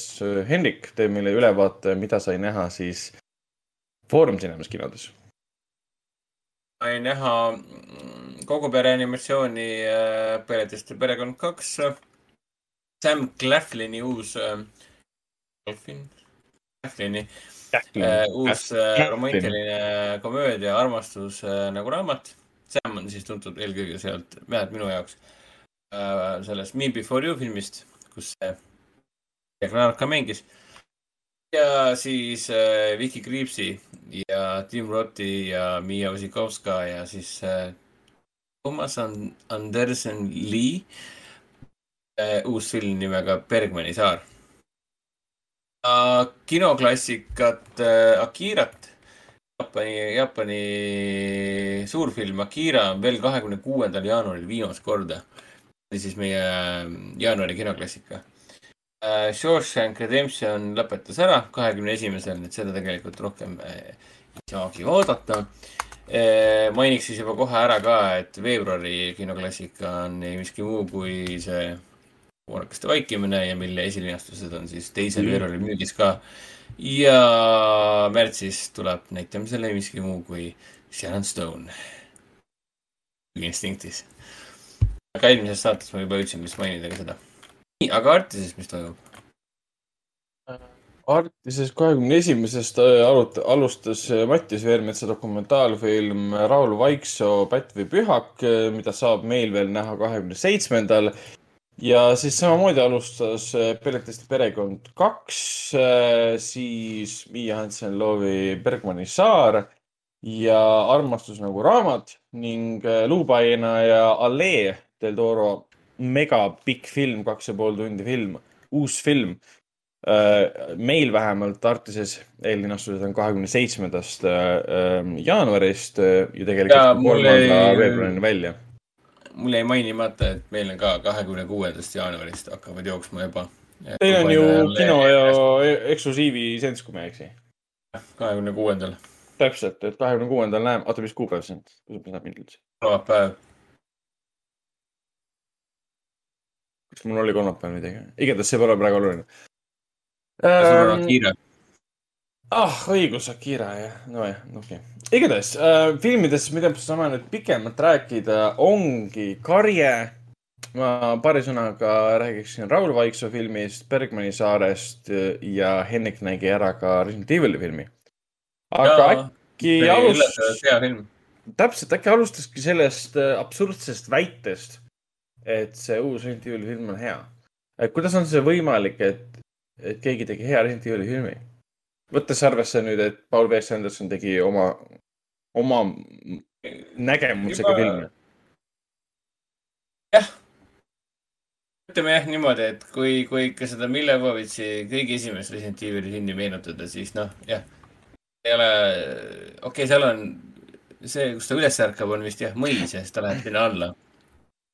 nii et mingeid seoseid ikka esimese kahe mänguga nagu on või esimese mänguga ikkagi on. Aga üldjoontes nagu jah, see võiks olla ikka suvaline film, selle filmi pealkiri ei pea olema Resident Evil aga see uus film, mis nüüd detsembri lõpus kinno tuli, Welcome to Raccoon City, Resident Evil Welcome to Raccoon City, see on äh, sõna otseses mõttes äh, hardcore äh, ekraniseering esimesest kahest mängust. Nad võtsid kätte, võtsid mõisaloo ja võtsid politsei äh, korteri äh, peamaja loo nii-öelda. ja eriti just selle teise mängu hiljutise remake'i vaimus ka veel. et kõik on nagu, vaatad seda kuradi filmi ja mõtled, et äh, kui hästi tegelikult kogu lugu äh, on paika loksutatud, eriti just sellest vaatevinklist, et äh, tekib ju küsimus, et miks sa paned kaks mängu kokku. see on ju nõme, nii ei tehta. Aga äh, ausalt öeldes siin filmis, see film oleks ikka mega igav olnud, kui see oleks, tegevus oleks aset leidnud ainult ühes mõisas, kuhu nad lähevad või siis ühes politseijaoskonnas. ja kohal on siin siis kõik meie, kõik meie lemmikud äh,. Claire Redfield ja Chris Redfield on olemas, Jill Valentine on olemas, Albert Wesker on olemas äh,, Leon S Kennedy on olemas isegi Birkin on olemas esimesest, esimesest mängust. esimesest, jah oli küll. Ja oota, Birkin teisest mängust. ja isegi Ada Wong on olemas, mis on äh, väga, väga nunnu Äh, ütleme nii, et, et fännide lemmiktegelased on kõik tagasi toodud ja, ja kõik saavad oma, oma tähetunni. ja olgugi, et ta on üsnagi totter film, on äh, siin midagi tõsist filmi oodata ei ole ja see IMDB hinnang viis koma kakskümnest, sorry, see ei ole, see ei ole päris hinnang, see ei ole loogiline. Tegemist on väga lõbusa, väga totra, mõnusalt verise äh,, naljaka väga naljaka äh, siukse korraliku B-filmiga, millel on selline nulinate vibe juures. kohati oli seda vaadates tunne, et justkui Paul W S Anderson justkui selle filmi lavastanud äh, nulindate alguses äh, selle Miljovovitši versiooni asemel ja see on siis kuskilt paralleeluniversumis sealt ära tõmmatud ja nüüd siis tänapäeval näeme seda lõpuks. ma saan aru, et see on lihtsalt tehtud ju Resident Evil kahe remake ju tegelikult ju, see film. no esimesed kaks filmi kokku pandud selles mõttes, sõna otseses mõttes, et üks grupp inimesi on mõisas ja teine grupp inimesi on politseijaoskonnas. kogu film ongi see ja siis lõpuks saavad kõik kokku. no sinna oleks võinud, kui juba kolmanda ka panna, sest kolmas on ju paralleelselt ju teise filmiga ka, nii et põhimõtteliselt jaa, et nagu see Johannes Roberts, selle filmi režissöör, juba unistab, tahab teha eh, uusi filme ka. rääkis juba siin, et ta tahaks teha Village'ist filmi ja siin Resident Evil seitsmest tahaks teha filmi ja ta tahab siis jätkata selle Codename Veronikaga ja kõikide selliste asjadega, et noh, olevat nagu suur fänn. ta on nagu näha, et on suur fänn, aga sellel filmil on see miinus, et äh, okei okay,, kui see Gaia Scadelero, kes seda Claire Redfieldi mängib, tema on näitleja ja näitleja töö või tegelane välja arvata. kõik te- teised tegelased on umbes sellised, et nagu nad Nad tulid nagu võtteplatsile, et nagu lõbutseda, et, et öelda, mina olen Leon S Kennedy, et vaadake mind. teine tuleb, ütleb, et tere, ma olen Jill Valentine, et vaadake mind ja nii edasi. tere, ma olen Albert Vesker, et see tähendab, mu perekonnanimi on Vesker, et ma olen nüüd see tegelane, et noh, sellest nagu peaks justkui piisama, et kui sa saad aru, mis ma mõtlen, et ka pealiskaudsed tegelased, ääretult pealiskaudsed, ainult Claire Redfieldil oli reaalselt mingi kandev roll ja ta, väga äge taust oli talle kirjutatud ka. et eh, põnev, põnev müsteerium, võib-olla neile on ta piisavalt põnev, kes ei ole seda seeriat otseselt mänginud, võib-olla tuttav selle story'ga. On piisavalt basic lugu, et eh, noh, siin ei ole miskit väga suurt saladus, et mis tegelikult toimub mis on äge, on see, et missugused on tegelikult Resident Evil'i zombid, et nad ei ole lihtsalt mingid arvatud zombiurakad, kes ilmuvad kuskilt välja, et noh. Resident Evil'i seeria on seda zombide teemat nii palju muutnud ja arendanud ja see on muteerunud nii kõvasti. Ehm, et siin, ka siin filmis näidatakse väga hästi välja, et hirmsad võivad need Resident Evil zombid, zombid tegelikult olla. Production wise on see üks väga ilus film nagu väga palju vaeva nähtud, et selline äh, märg, verine äh,, pidevat sihukest action'it ja äh, põlenguid täis äh, nagu feeling kätte saada. mul seda vaadates oli täpselt sihuke tunne, et nagu mängiks seda ise Resident Evil'i mängu remake'i äh, või mängiks jälle esimest osa uuesti, et noh, mina olin väga rahul ma panin talle mingi seitsekümnest puhtalt sellepärast, et äh, ta on niisugune rämpsfilmi laadne toode. ta on väga meelelahutuslik ja mul ei ole ta nagu, heale meelelahutusele ei ole otsest midagi ette heita. teatud see, et mingid näitlejad oleks võinud natuke tööd ka teha, mitte lihtsalt tulla kaadrisse ja öelda, et tere, ma olen Eida Wong mingi. hästi piisav, no ärgake nüüd ülesse, et noh. aga siin on äh, palju, palju nalja on ka ah,. üks hea nali oli see, et siin vahepeal tuletati meelde, et filmi tegevustik, sündmustik leiab aset üheksakümne kaheksandal aastal. siis äh, Claire Redfield tuli Chrisi juurde ütles, et kuule, ma kohtusin ühe huvitava inimesega jututoas, me rääkisime seal juttu ja siis Chris mingi. mis see jututuba on ma täiega naersin selle peale, kus siis, siis Claire mingi. ei, see on nagu internetis koht, kus inimesed kohtuvad ühiste huvidega mingi aa, okei okay, siis, mingi. aga see oli, Kris, Krisi reaktsioon oli see, et mis asi see jututuba on oota, aga kas filmis oli veel hetki, kuidas äh, meenutati vaatajale, et on aasta üheksakümmend kaheksa? ei, otseselt sellega väga palju vaeva ei nähtud. film äh, ei alanud nagu lausega, et it's nineteen ninety nine või ninety eight midagi. oli küll, oli peal, peal, pealkirjas käib, alguses on ju suur jutt sellest, kuidas tegemist on Raccoon City'ga uh,. Umbrella Corporation on siin aastakümneid tegutsenud, nüüd nad kolivad siit ära, võtavad töökohad kaasa ja linn on väljasuremise äärel ja kes pole siit lahkunud, on lihtsalt liiga vaene, et lahkuda. selline, selline setup on tehtud. aasta üheksakümmend kaheksa. veits, veits kõlab nagu no,, nagu, veits kõlab nagu, et stsenaristid mingi kuna me peame vaatajatele meelde tuletama, et on nagu üheksakümmend kaheksa, et paneme selle chat room'i teksti sinna sisse ikka igaks juhuks võib-olla tõesti, aga filmi jooksul minu meelest ei mainitud rohkem üldse seda aastanumbrit ja telefone ka siin väga ei katsutud. kuidagi väga kiiresti oli läbi kirjutatud ja läbi lavastatud, et kasvõi see, et nagu niisugused lihtsad asjad, et meil on vaja kellelegi helistada, ühendust saada. tüüp paneb ajama, kontori ukse lahti, võtab telefoni, hakkab rullima või ei, mitte rullima, vaid seda vajutama nuppe nii-öelda. siis samal ajal on toru küljes on juhe ka, et noh tore oli seda vaadata, et ma olin nii ära harjunud selle tänapäevaga, et kõigil on mingid kuradi riskirikud käes ja karjuvad nende peale. aga ei, ma, ma ütleks selle filmi kohta, et ta loll film on, ma mõtlen, et ta on noh, keel põses rämpsfilm, nauditav, väga ilusasti lavastatud. alati päris creepy ja päris haige ka veel üldse pole seda tunnet, nagu oli seda Andersoni filmi vaadates, et ei ole sellist ma ei tea, mingit mõttetut poosetamist. no siiamaani mäletan see teise, teine Resident Evil'i film, see Apocalypse, mis ta oli. kuidas Alice oma mootorrattaga sõitis kiriku akendest sisse, kõik on aeg luubis ja siis killud lendavad, see tulistab seal ja siis paljud sääred vilgu, välguvad. noh, kui sa oled mingi kaheteistaastane, siis sa vaatad, et jaa, see on aasta parim film, aga kümme aastat ennem mingi õna aasta No- parim film, aga siis kümme aastat hiljem mingi äh siit. ta oli oma, oma ajastu film ka selles mõttes, et äh, see oli nägemus, nende reisijate nägemus, et kuidas peaks tegema siis nagu mängu põhjal filmi ja nii edasi, et peab olema sama stiilne ja sama äge um,. ja samal ajal Paul V. Sanderson tõestas, et ta jäi sellele stiilile väga truuks ka, et mis, mis see viimane film nagu oli ja mis need kõik need retribution'id ja mis iganes need alapealkirjad seal olid. Mulle ta filmid äh, täitsa meeldivad, isegi Resident Evil'i filmid. olgugi, et äh, kvaliteet on umbes selline, et miks sa oled selline, nagu sa oled. aga nad on äh, samamoodi väga nauditavad, loll meelelahutus.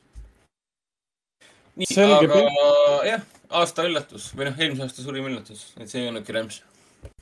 Äh, ma mainiks nii palju ära, et äh, Raul Vaiksoo Pätt või Pühak äh, on tunnipikkune dokumentaalfilm arhitekt äh, Raul Vaiksoost. Mina tema töödega tegelikult kursis ei olnud. minu esmane tutvus temaga oli läbi selle mingi ETV saate, kus nad käivad seal mingisugustes kuulsate inimeste korterites ja majades ja neile ei öelda, kelle korterimaja see on ja siis nad üritavad aru saada. ühelt poolt ma olin üllatunud, et ETV teeb selliseid saateid teiselt poolt See- äh,, jah, oleks vahele, kas see on see dokumentaalfilm, mille kohta Tristan Priimägi vist ütles pärast, ütles, et, et ääretult hea film üks eelmise aasta parimaid dokumentaalfilme vist kas ta ütles seda kuskil, kus siis täpsemalt, Facebookis? ei, tõesti kuskil, kuskil kriitikas, kus ta avaldab oma, oma kriitikat. nagu, mul tuleb, tuleb nagu meelde, et äh, oli vist sihuke teema. väga hinnatud äh, meie, meie kriitikute seas. Vot ma ei olegi kriitikat väga selle filmi kohta lugenud ausalt öeldes, ega ta märganud oli ju. PÖFFil, ei olnud või? ei, PÖFFil Rauno Vaiksoo film kindlasti ei olnud. ma ajan vist sassi midagi, ma ei mäleta praegu täpselt. see või selle, sa mõtled Vaino, Vaino Vahingu filmi, mis tuleb äh, veebruaris? Rainer Sarneti lavastatud dokumentaalfilm. aa, Vaino jaa. Vahingu päevaraamat. ja, see tuleb äh, veebruaris. ja, ja. aga Vaiksoo, Vaiksoo filmi nagu eelis, sõltumata, mis sa Vaiksoost võib-olla tead või arvad või mis sa pärast filmi temast nagu saad teada või arvad. see film on väga ilusti üles võetud, sest, sest ta on tehtud Reicheri poolt, kes on op operaator ehk siis Mattias Veermets ja ta oli kooli ajal meile koolivend ja ta oli siis väga hea operaator kõikide nende lühifilmide juures ja praegu ka. see ei ole üldse muutunud sest äh, filmis on väga kenad droonikaadrid, siin on olustikukaadrid ja see, kuidas ta filmib üles Vaiksood, kes siis kogu aeg äh, popsutab äh, piipu, paneb seda kogu aeg põlema. minu meelehärmiks joob seal rokki igas võimalikus kaadris, sest tuleb välja, et Vaiksoo on selline arhitekt, kes siunab siin digimaailma, kelle ta ei kasuta, mobiili ei kasuta, okei, käekella ikka kasutab, aga mobiili mitte ja kes noh, joob kogu aeg. filmis on ikka päris mitu korda, ükskõik kus ta on, kas ta on siis tööl, kodukontoris, mujal kontoris, objektil, et alati tal on piip ja tal on, tal on rokk kõrval. aga see, kuidas Vermets on selle üles filminud, see näeb kõik nii kaunis välja, nagu vaataks mingisugust äh, Euroopa kunstifilmi või sellist, sellist Terence Malicku filmi kohati ka, et seal ei ole sellist küll lendlevat kaamerat, mis tekitab mingi suuri äh, filosoofilisi küsimusi ilma ühegi lauseta. aga kõik see vaikse habe paistab väga kenasti välja, kõik mingi toss, mis on taustal ja selline rõskus, mis on õhus, kui ta seal vihmakäes näiteks käib seal maju mõõtmas me tutvume tema hoonetega, mis ta on nagu projekteerinud ja me tutvume tema siis sellise mõttemaailmaga ka. et äh, ta vihkab ametnikke, ta on äh, kor-, korrutab seda päris mitu korda, kui ta annab loenguid. et, et ta ei salli ametnikke, ta üritab alati ametnikele äh, sihukest vimkasid mängida, et, et ükski ametnik ei salli tema ühtegi projekti, sest öeldakse, et see on absurdne, see ei sobi siia aga ta lei- leiab alati viisi, kuidas sellest ametnikust nagu läbi minna, nõuetest läbi minna ja teha kõik vastavalt nõuetele, aga saada ikkagi, saavutada ikkagi selle eesmärgi, mida tema tahab. sõltumata sellest, et tal esialgu ei tohi.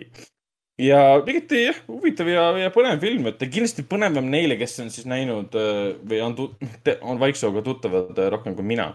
aga visuaalselt ka, kasvõi sellepärast tasub teda kindlasti kinoekraanil, kinoekraanil vaadata ega siin muud narratsiooni peale siis Vaiksoo enda nagu ei ole.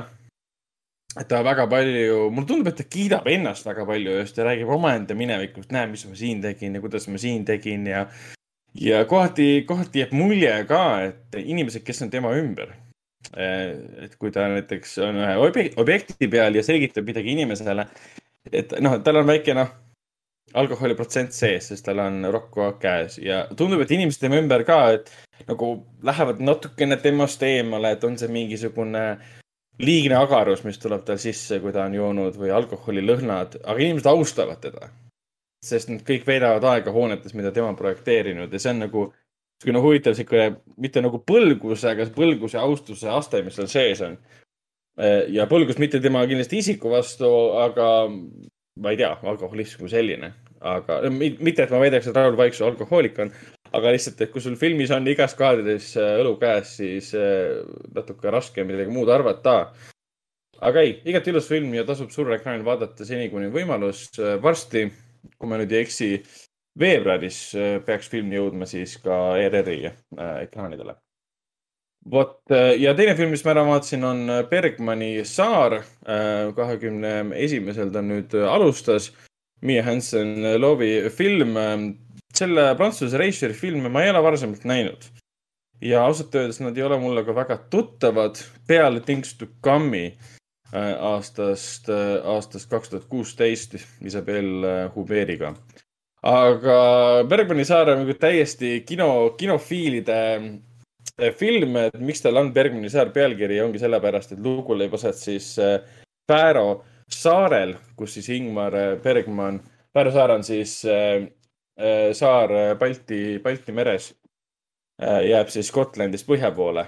see on saar, kus siis, kus siis Ingmar Bergman, legendaarne filmirežissöör Ingmar Bergman, Rootsi filmirežissöör, kes meie hulgast lahkus kaks tuhat seitse, elas ja suri, filmis seal üks, kaks, kolm, neli, viis, kuus filmi, oma kõige kuulsamad filmid ka näiteks nagu näiteks Scenes of a Marriage, millest hiljuti HBO-s, Eesti HBO-s on ka olemas, tuli siis äh, tuli siis seriaali remake, Scenes from a Marriage on siis mini, miniseriaal tegelikult ja siis see uus film on ka, seriaal on ka siis miniseriaal ähm, selle Oscar Isaaci ja Jason Isaaciga tähendab, või oota, Oscar Isaac, mul läheb need Isaacid segamini. ja siis äh, selle Jessica Chastain-iga.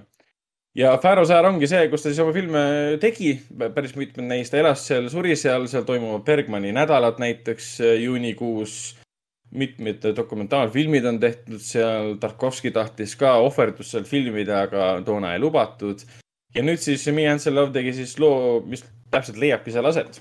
ja kogu lugu tegelikult ongi, ongi selles, kuidas siis Amy, tähendab Chris ja siis Tony, üks on siis stsenarist ja teine on siis tuntud filmirežissöör, stsenarist, lähevad siis sinna Fääro saarele, kus tegelikult käivadki inimesed, kes on loomeinimesed, ükskõik mis sorti loomeinimesed käivad seal oma patareisid laadimas, elamas selle loome, kuulsa loomeinimese nii-öelda elupaigas, sõna otseses mõttes tema majas ja kirjutavad oma lugusid äh, muust maailmast nagu eral-, eraldatuses olles. ja, ja peaosas on siis Vicky Grips, keda noh, mina tean, enamus maailm, enam, enamalt teab teda ikkagi siis äh, Phantom Threadist äh,, Paul Thomas Andersoni film ja Tim Roth muidugi, teda me teame igalt poolt äh,, fantastiline näitleja ja siin on, lisaks teevad kaasa veel Miia Vasikowska ja siis Andres, Anders Dennison Lee, keda me siin viimasel ajal oleme näinud siin alates maailma halvimast inimesest. ja ta on olnud siin Netflixi filmis, Paul Greengrassi filmis kahekümne teine juuli, kus ta mängis seda Breivikut äh, seal äh, äh, saare mõrvarit. film ise on, ta on suhtedraama ta on suhe inimeste vahel ja suhe siis oma loominguga. ja aga Et ka, ka, ütle lühidalt, on see mingit haipi väärt ka või, sest ma olen näinud mingi hullult haipi selle filmi ümber. mina mingit väga suurt haipi pole nagu näinud, et ainuke haip, mis mina olen näinud, on see, et see film jääb nagu meelde, need helgus selles filmis jääb meelde ja sellega ma olen nagu nõus. filmi esimene pool tegelikult seal otseselt ei toimu eriti midagi. Seal on lihtsalt Tim Roth ja siis Vicky Grips, nad lähevad Bergmani sinna majja, me näeme väga täpselt, kuidas nad siis autoga sõidavad ja nii edasi. jõuavad sinna, hakkavad siis oma igapäevaelu elama, mis tegelikult tähendab seda, et nad hommikust õhtuni kirjutavad ja kui siis ei suuda rohkem kirjutada, käivad siis äh, selliseid Bergmani safaarisid tegemas ja inimestega kohtumas. ja see ongi esimene pool filmist. ja see oli nagu tore oli seda jälgida, aga kogu aeg oli küsimus õhus, et kuhu see nüüd välja jõuab, et kas tekivad siis selle abielupaari äh, vahel tekib siis Chris ja Tony, kas seal tekib siis mingisugune hõõrdumine, et ühel õnnestub kõik, sest mehel on see lugu, et tema kirjutab ja kirjutab järjest kümme lehekülge, kakskümmend lehekülge, kolmkümmend lehekülge. naine vaatab aknast välja ja, ja, ja kirjutab paar lauset ja tõmbab selle maha. ja alguses jääb mulje, et ta ei suuda alustadagi, aga siis selgub, et tegelikult tal on lugu juba valmis, tal pole lihtsalt lõppu. ja ta üritab siis mehega seda lõppu nagu arutada ka. Aga mees on, mulle jääb mulje, et see Tony on selline, ta on oma lugudes niivõrd kinni, et ta ei suuda kuulata teiste inimeste lugusid ja anda mingit nõud, nõuannet ja ta isegi ühel hetkel ütleb seda oma naisele ka, et et, et sa pead ise leidma selle lahenduse, et ma olen, annake mõista, et ma olen nii kinni omaenda loos, et ükskõik, mida ma sulle ütlen, see on ilmselt vale, vale lahendus. ja seal ei teki tegelikult, ei tekigi sellist, sellist hõõrdumist, vaid pigem see, et nad ühel hetkel hakkavad seda saare elu nautima erinevatel viisidel, nad ei veeda enam rohkem aega koos, ütleme nii. ja nad jõuavad ühel hetkel tagasi siis kokku äh, sellega, et naine hakkabki lõpuks jutustama omaenda lugu, me saame teada, mis see lugu on, mida ta siis kirjutab. ja siis muutub, saab film nagu teise käigu sisse. et enam ei ole kirjutamises asi, enam ei ole saare elu nautimises asi. nüüd on selles, et naine räägib siis, Chris, Chris on ta nimi siis, räägib siis Tony'le oma lugu, mis tal on pooleli, mille lõppu ta ei leia. Ja selles loos mängivad peaosa siis Miia Vasikovska ja siis ja Andres Danielson Lee. ja seesama lugu leiab aset sellel samal Fääro saarel, mis on väga sobilik, sellepärast et Tim Rothi lugu, Tony lugu, mida tema kirjutab, on ka Fääro saarel. et tuleb välja, kui sa tuled Fääro saarele midagi kirjutama, siis kõik lood leiavad aset sellel samal saarel. ja tema lugu ongi armastajatest, kes ühel hetkel lähevad lahku, lahku ja saavad siis pulmadel uuesti kokku, pulmad toimuvad Fääro saarel ja seal on ka selline oleskelu, et kas nad siis saavad uuesti kokku või ei saa ja nad saavad uuesti kokku, aga see on selline tragi, noh, traagilise sellise varjusega. ehk siis ta on, ta on nagu suhtedraama igatipidi, kuhu on sisse pillutud suur armastus filmikunsti äh, vastu läbi siis Bergmani pilgu, sest see Bergmani üle ilastamine on siin heas mõttes igatipidi sees Nad käivad, me saame nagu filmifänn saab fakte teada näiteks, et aa, et ühe filmi puhul Fääro saarele tegelikult ei ehitatud maja valmis.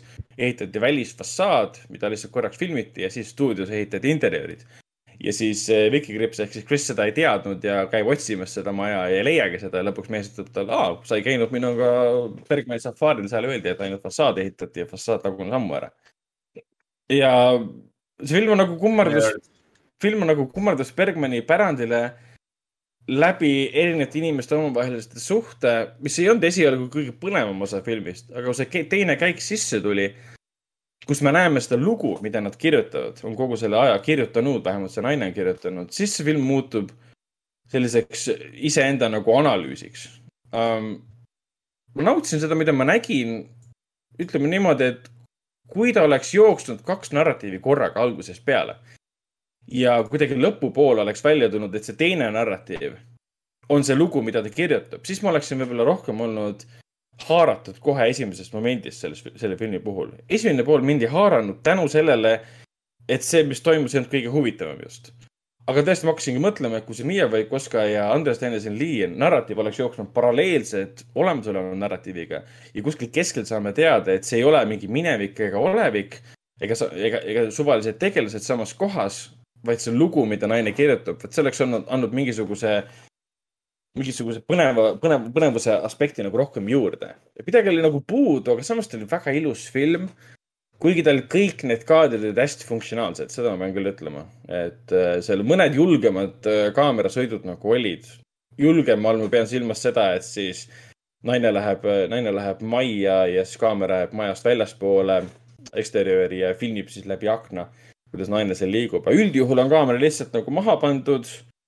naine vaatab kaamerasse, teeb midagi, ta on hästi funktsionaalne, no ta ei ole nagu ülimalt ekspressiivne nagu oli Bergmani filmidega, Bergmani filmides tihtipeale näitlejate näod mängisid rohkem kui kaamera. ja, ja siin on seesama teema olemas. Miia Vasikovska, mul on selline tunne, et see inimene ei vanane äh,. ei vananegi, sest ta on kolmkümmend kaks Uh, ta näeb täpselt samasugune välja nagu, nagu siis, kui ta mängis aastal, millal see oli, kaks tuhat kümme või, Alice in Wonderlandis. midagi ei ole muutunud. Tim Roth on vanemaks jäänud, Vicky Krips on vanemaks jäänud, aga Mia Wasikowska ei ole.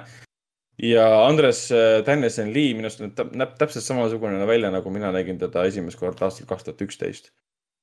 ehk siis ta on ilus soe film äh, filmikunsti austajatele, kus on suurepärased näitlejad.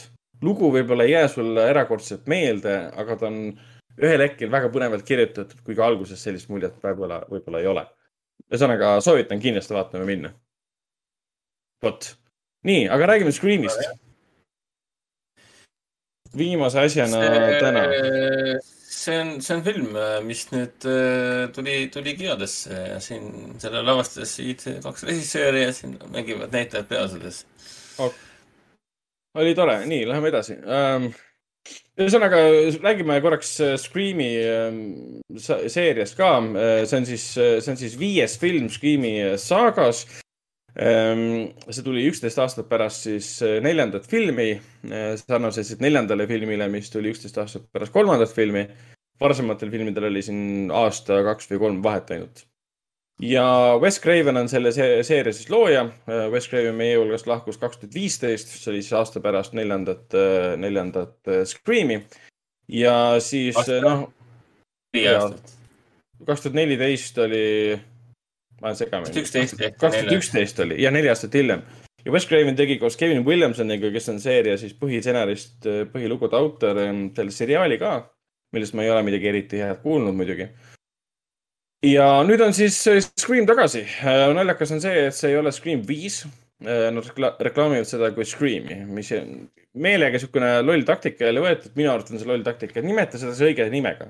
kui Scream neli oli Scream neli, siis see võiks olla Scream viis. mitte see, et see jätab mulje, et see on esimese osa remake, aga see on, see on see tänapäevane turundustrikk, et noh, nagu Halloween, kuigi Halloweenil oli nagu põhjendus, miks äh,. vist oli mingisugune põhjendus, kuna nad tegid uuesti seda kõike, mis on nagu napakas tegelikult, et esimese Halloweeni nimi oli Halloween ja siis äh, kui võtta uus ajaliin arvesse, siis teise filmi nimi on ka Halloween. no jah, tore, täpselt. väga põnev. aga, aga tagasi, tagasi on seeria põhinäitlejad, Courtney Cox, David Arquette, Neve Campbell, kõik kolm näitlejat on olnud ühel teisel viisil kõikides filmides. kuigi nüüd on suurim erinevus siiski see, et nemad ei ole põhitegelased. Et seekord on täitsa uued tegelased, kes on põhimõtteliselt juba peategelased. sest neljandas tegelikult Neve Campbell, Courtney Cox ja David Arquette olid taaskord ikkagi põhitegelased, kellega põhimõtteliselt film jälle algas pärast seda klassikalist algust, kus siis üks Jah. tegelane sureb eh, Ghostface'i noa kaudu. no noa läbi. see neljas oli täielikult nende selle põhikolmiku Jah., põhikolmiku film selles suhtes jah. ja, ja viies teeb seda nagu teistmoodi nüüd ja see on selle filmiga suurim äh, miinus. Miks ei ole põhitegelased põhikolmik peategelased? selle asemel on meil täitsa uued tegelased, kes tegelikult nagu sobivad, aga see ei lähe kokku sellega, mis asi on tegelikult Scream. meil on, otseselt ei, otseselt ei pidanudki olema just nemad, aga noh, ma olen nõus sinuga jah. see mina, mina olen nagu harjunud sellega, mis on Screamis, et sul on alguses suvaka, suvakas karakter äh, saab surma. ja siis see info jõuab meie peategelasteni, kes liituvad teiste tegelastega ja hakkavad asja uurima ja lahendama. Aga seekord on, alguses saab suvaline aga karakter surma. aga nad on Jah. kõik kõrvaltegelastena, nad Jah. nad on abi, abilised no nii-öelda. täpselt, et, et nüüd ongi ma see, olen, ma, pigem ma olen sellega nõus jah, et suurim miinus ongi see, et need uued peategelased, vähemalt minu silmis äh,, ei ole üldse kuidagi põnevad ega, ega ühes, ühestki küljest huvitavad. no vähemalt üks nelja- neist, teised olid üsna, üsna okeid, et eks nad on siuksed. no, mulle, mulle ei meeldinud otseselt mitte keegi. sellepärast, et ta kordas ennast, hirmsasti kordas ennast juba sellega, mida neljandas tehti nende äh, Stab'i seeria maratoni teemaga ja siis need kaks hullu, fännasid seda seeriat. et noh, kuidagi liiga ennastkordav ja need tegelased olid väga siuksed bländid nii-öelda. noh, väga, väga siuksed tühjad nii-öelda. mm. -hmm. aga, aga peale selle, et suurim erinevus on sellest, et film algab, esimene pool filmist on tegelastega, kes ei ole seeria põhitegelased, siis tegelikult ta on verine slasher nagu nad kõik. ta jätkab sama, sama stiilis, meil on metakommentaar. et me oleme requel'is. sellist väljendit nagu requel ma ei ole varem kuulnud, aga, aga mida nad selle all põhimõtteliselt mõtlevad, et kui varasemalt esimeses filmis tegelased teadsid, et nad on esimeses filmis või noh, nad on klassikalises slasheris, teises nad teadsid, et nad on teises, kolmandas, kolmandas, neljandas teadsid ka, et nad on neljandas. viiendas nad siis teevad seda, nad kommenteerivadki justkui selle filmi nime, mis on plakatid, Scream.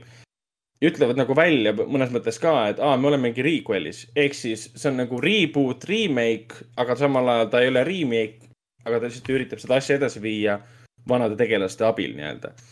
ja, ja, ja ei oskagi nagu selles mõttes, ega spoilerdada midagi ei saa, et siin on uus Ghostface, Ghostface on alati erinev inimene või on siis mitu inimest ja, ja kes jälle hakkab tapma ja meie peategelased lähevad äh, siis küsivad Courtney Coxi, David Arquetti ja Neve Campbelli äh, abi ja nad saavad sealt seda abi ka. Siiamaani on igas, igas osas olnud äh, kaks mõrtsukat. jah, põhim-, oota, sellepärast nad jah, jah. jah, kolmandas ka, neljandas ka. Kolmandas oli kaks Kolma- oli hea, oli hea, oli hea, tuleb meelde. just eelmine nädal vaatasin neid siin, ma ei mäleta, mis kolmandas lõpus toimus. kuigi mulle kolmas meeldis. mis sa ütlesid, Ragnar, et sulle ikkagi meeldis uus Scream? mulle ta, okei okay,, ma andsin talle IMDB-st seitse, kümme. aga võttes arvesse, et ma andsin esimesele kaheksa, teisele ja kolmandale seitse, neljandale kaheksa ja viiendale seitse, siis on see, kõik läheb väga hästi kokku um,.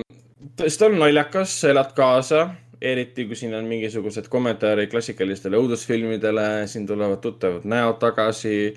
me naersime kinos päris palju uh,. siin on väga ägedaid hetki, väga naljakaid hetki on siin küll. Aga noh, mina, mina selle filmiga väga rahule ei jäänud. minu, minu, minu, minu jaoks oli see, et see, see, et need uued tegelased on ikkagi nii siuksed üheülbalised, hästi tüütud, siuksed äh, tüüpilised, üldised äh, nagu siukse slasher-filmi peategelaskond mm. -hmm. see mind nagu kohutavalt häiris, eriti võrreldes neljanda osaga, et Wes Craven no, lavastas ka neljanda. kõik ju need äh, Rory Culkinid ja Emma, Emma Roberts või mis ta nimi on, Emma Robertsid ja mõned, nii mõnigi näitleja on nüüd siis populaarseks saanud ja puha võrreldes aastaga kaks tuhat, Hayden Panettiere mängis ja nagu ääret-, uued näod, aga kõik olid nagu meeldejäävad. viiendas nagu seda ei olnud ja siis ma nagu ootasin kogu aeg, millal siis see põhikolmik ikkagi rohkem ekraanil oleks, ekraanil oleks. ja mind, noh, kõige hullem oli see, mis mind kohutavalt häiris, oli see filmi peategelane. ma ei saanud aru, kuidas on võimalik kõige ilmetum, kõige ilmetum, kõige mitte midagi ütlevam mingi suvaline tšikk sellise filmi peategelase, peategelaseks valida. ma esimese, filmi lõpus hakkas justkui elama, siis kui ikka nägu oli juba verine ja siis ta võitles oma elu eest ja siis läks nagu asi nagu, võib-olla siis ta sobitus paremini. Lihtsalt pool filmi mul oli tõesti niisugune, niisugune, kohati oli niisugune piin vaadata teda. iga kord, kui ta tuli ekraanile ja hakkas näitlema, siis ma mõtlesin, et nagu, miks sa oled siin filmis? Wes Craven nagu ei oleks õnnelik selle valiku üle.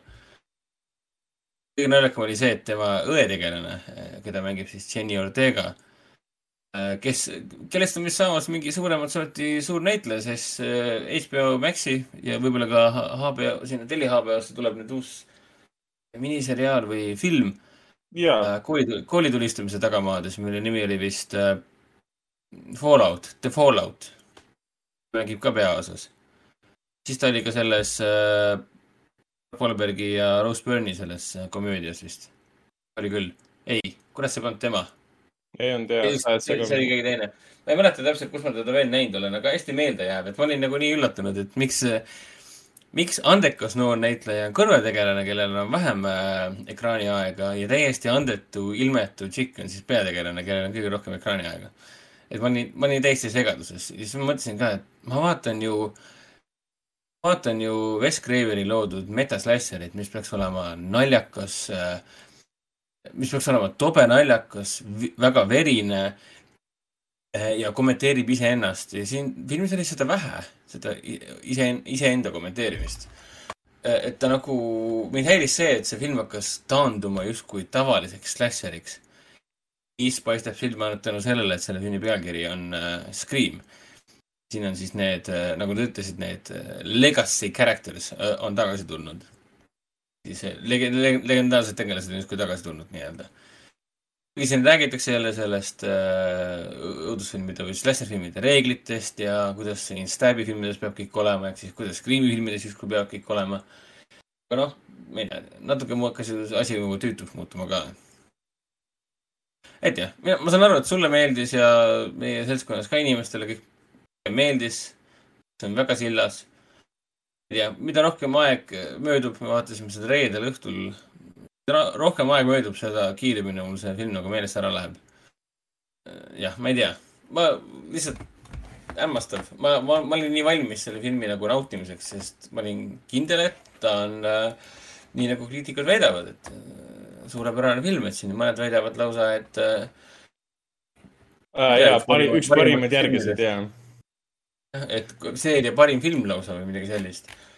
sest saa nagu üldse aru, see ei vasta mitte kuidagi tõele, et minu meelest oli see kõige kuivem ja, ja kõige, kõige, kõige igavam nendest filmidest. ükski teine film ei ole kuiv ega igav, nad on No. äh, sellepärast head, et Wes Craven lihtsalt nii hästi teadis, mida ta teeb, mida ta kurat teeb. isegi, isegi kui ta jättis kahe filmi vahele nagu üksteist aastat, ikka tuli tagasi ja ikka oskas teha seda, mida ta kõige paremini oskab teha. aga, aga mis sa arvad, et äh, mis, mis selles filmis oleks nagu teistmoodi olnud või paremini tehtud, kui seda oleks lavastanud Wes Craven? Craven oleks siia toonud äh, täpselt sama huvitavad äh, mingite veidrate kiiksudega tegelased siia, täpselt nii nagu neljandas osas. kümnikuusi tegelasi tuli mängu ja kõigil olid omad uued kiiksud, sest neljas osa oli esimene osa pärast esi, pärast esialgset filmi, mis läks nagu tagasi sellesse, meil on linn ja meil on maja ja meid hakatakse tapma sest teine ja kolmas tegelesid ju noh, Hollywoodiga ja Stab'i filmidega, asi läks aina suuremaks nii-öelda mõõtmetelt. aga neljandal filmil olid meeldejäävad tegelased. kõigil olid omad mingid kiiksud, siis nende kiiksudega hakati mängima. Nende kiiksudega hakati neid ennast manipuleerima. Lõpuks ei saanudki aru, kes üldse mõrtsukas on ja nii edasi, nii edasi, nii edasi, et noh, põnev. neljandas oli juba see Stabaton tuli sisse ja Stabatoni korraldajad ja jah, võib-olla sul on isegi õigus, jah. et see No see selline vi- mingi eraldi kiiks oli puudu. ja see viienda, see uus, noh, uus twist, noh, ma ei tea, see ei olnud ka nagu väga, väga niisugune andekas viis, kuidas siis nagu publikule koht kätte näidata. kas sina aimasid ära, kes mõrtsukas on, et noh, jah, see on umbes selline twist, et äh, jah, pruugigi seda seda ära aimata, sest see on nagu noh, lihtsalt välja nopitud sul tagumikust nii-öelda ta mõnes mõttes kordas ju neljandat filmi natukene. jah, ta mõnes mõttes ta kordas jah neljandat filmi ja neljas film on ikkagi väga meta võrreldes äh, viiendaga. Et noh, jah, ütleme niimoodi, et kui, kui meie esikolmik oleks olnud peategelane koos uute tegelastega nagu neljandas, siis ta oleks vast parem olnud. aga igal juhul sa ei saa, mulle tundub, et võib-olla peaks paar filmi veel siis tegema, et äkki läheb siis asi paremaks. aga noh, mulle hetkel tundub, et ilma Wes Cravenita äh, ikkagi ei saa, ei saa teha sellist, sellist Scream'i ei saa teha. no Wes Cravenil mingeid lapsi ei olnud, kes sõidukeid teevad või? Mis guugeldama. ma ei, ma ei tea. Wes Craven, Children. suure filmi režissöör, aga tal kaks last, Jonathan Craven, USA stsenarist ja, ja režissöör. Hilse Wise kahe kaasstsenarist, selle uue versiooni siis. aa, Nightmare Cafe fototseeris Last House on the Left, mis oli ka Craveni versiooni siis remake. oma isa filmi ma- nagu remake'is. ma alles praegu märkasin, ma alles praegu märkasin, et äh, Scream viie perekeelest äh, nimed olid, perekonnanimeks oli Carpenter see Jenny Ortega mängis tegelast nimega Tara Carpenter, mis Jah, on nagu obvious homage to John Carpenter ja nii edasi. Et jah, noh, mina ei olnud selles filmis vaimustuses, tore oli kõiki tagasi näha küll, aga jah, minu jaoks jääb ta unu- unustuse hõlma ja selle filmi peale ma rohkem ei mõtle. nii on. aga, aga, aga, aga, kiida siis veel natukene, kuigi me oleme see podcast täna juba, kui pikaks see läinud juba on, kolm tundi. ma, no mainiksin ikkagi nii palju, et äh, võttes arvesse, kui vähe meil on olnud viimasel ajal nagu klassikalisi õudukaid kinodes. Ja ma räägin nagu klassikalise õuduse nime, pean, peangi silmas Wes Craveni stiilis õudukaid, kui mingid tüübid, kes kill ivad uh,. nagu slasher siis sest meil on zombid, Resident Evil näiteks ja mis meil vahepeal õudukates üldse olnud on äh,. Del Toro õudus on jälle teistmoodi õudus, aga klassikaline õudus selle koha pealt, uus Scream töötab. ta täidab selle, selle augu nii-öelda, et kui sa tahad näha slasherit, siis see on see, mida peaksid vaatama. Kui sa vaatad kogu selle seeria nagu, nagu pärandit, siis võib-olla tõesti ta ei, ta ei, ei ole kõige parem neist, aga võttes arvesse, et noh, selles seerias on ka nõrgemaid filme, kolmas, mida kõik vihkavad, mis oli ka Wes Crane'i lavastatud, siis ta ei ole sugugi halvem kui mõni osa seeriast. selles mõttes ta ei, minu, minu silmis ta jääb heade, halbade või noh, heade, vähem heade siis järgede, Scream'i järgede nagu kvaliteedile omadeks. Et ta, ta ei, ta ei ole liiga halb, ta ei ole liiga hea, ta on täpselt see järg, mis me nagu eeldame tegelikult. välja arvatud see, mis mind häiris, et peategelased ei olnud nagu seeria peategelased aga mina nautisin. selles mõttes seltskonnaga me naersime kogu aeg killide peale, tegelaste kommentaaride peale. põhise pööre oli ka tore, et igatepidi selles mõttes nauditav film. Lihtsalt, kui sa hakkad tema peale mõtlema, võib-olla analüüsima su suurema seeria konteksti, siis hakkad mõtlema, jaa, et võib-olla oleks saanud sealt paremini teha ja Wes Craveni hing oli ikka puudu siit ja kõik siuksed asjad. et jah, jah, soovitan, igatahes Raiko, mine vaata vot, aga liigumegi. ma ei ole ka ju vaadanud ju mingi viimaseid Scream'i neid, mul on vist saanud ainult kaks Scream'i vist kokku vist ainult või? Okei okay., esimest, esimest kahte siis. mul on seal ka augud sees, ma ei ole kindel, kas on isegi järjest esimest ma olen kindlasti vaadanud. et mul on, mul on seal ka augud, augud sees kohe kindlasti, et aga noh, ma hetkel, hetkel, hetkel mind see ei tõmba, see Scream, et ma olen ikka rohkem Resident Evil'i fänn. no, noh nii, aga liigumegi siis edasi ähm,. räägime kinofilmidest, mis alustavad kahekümne kaheksandal jaanuaril. Et Hendrik, mida siis äh, kahekümne kaheksandast jaanuarist äh, Foorum Cinemas kinodes näha saab? Äh, seikluslik animatsioon kogu perele nimega kaheksakümne päevaga ümber maailma ja Zac Efroni uus film nimega Kuld, Gold kus ta on siis tundmatuseni muutunud ja kehastab kullaotsijad, kes siis koos partneriga leiavad oma elu kõige suurema kullakamaka, aga loomulikult leiavad nad selle kullakamaka keset Austraalia kõrbe. Karmides tingimustes ja neil ei ole mitte ühtegi vahendit, abivahendit, kuidas seda kullakamakat kätte saada.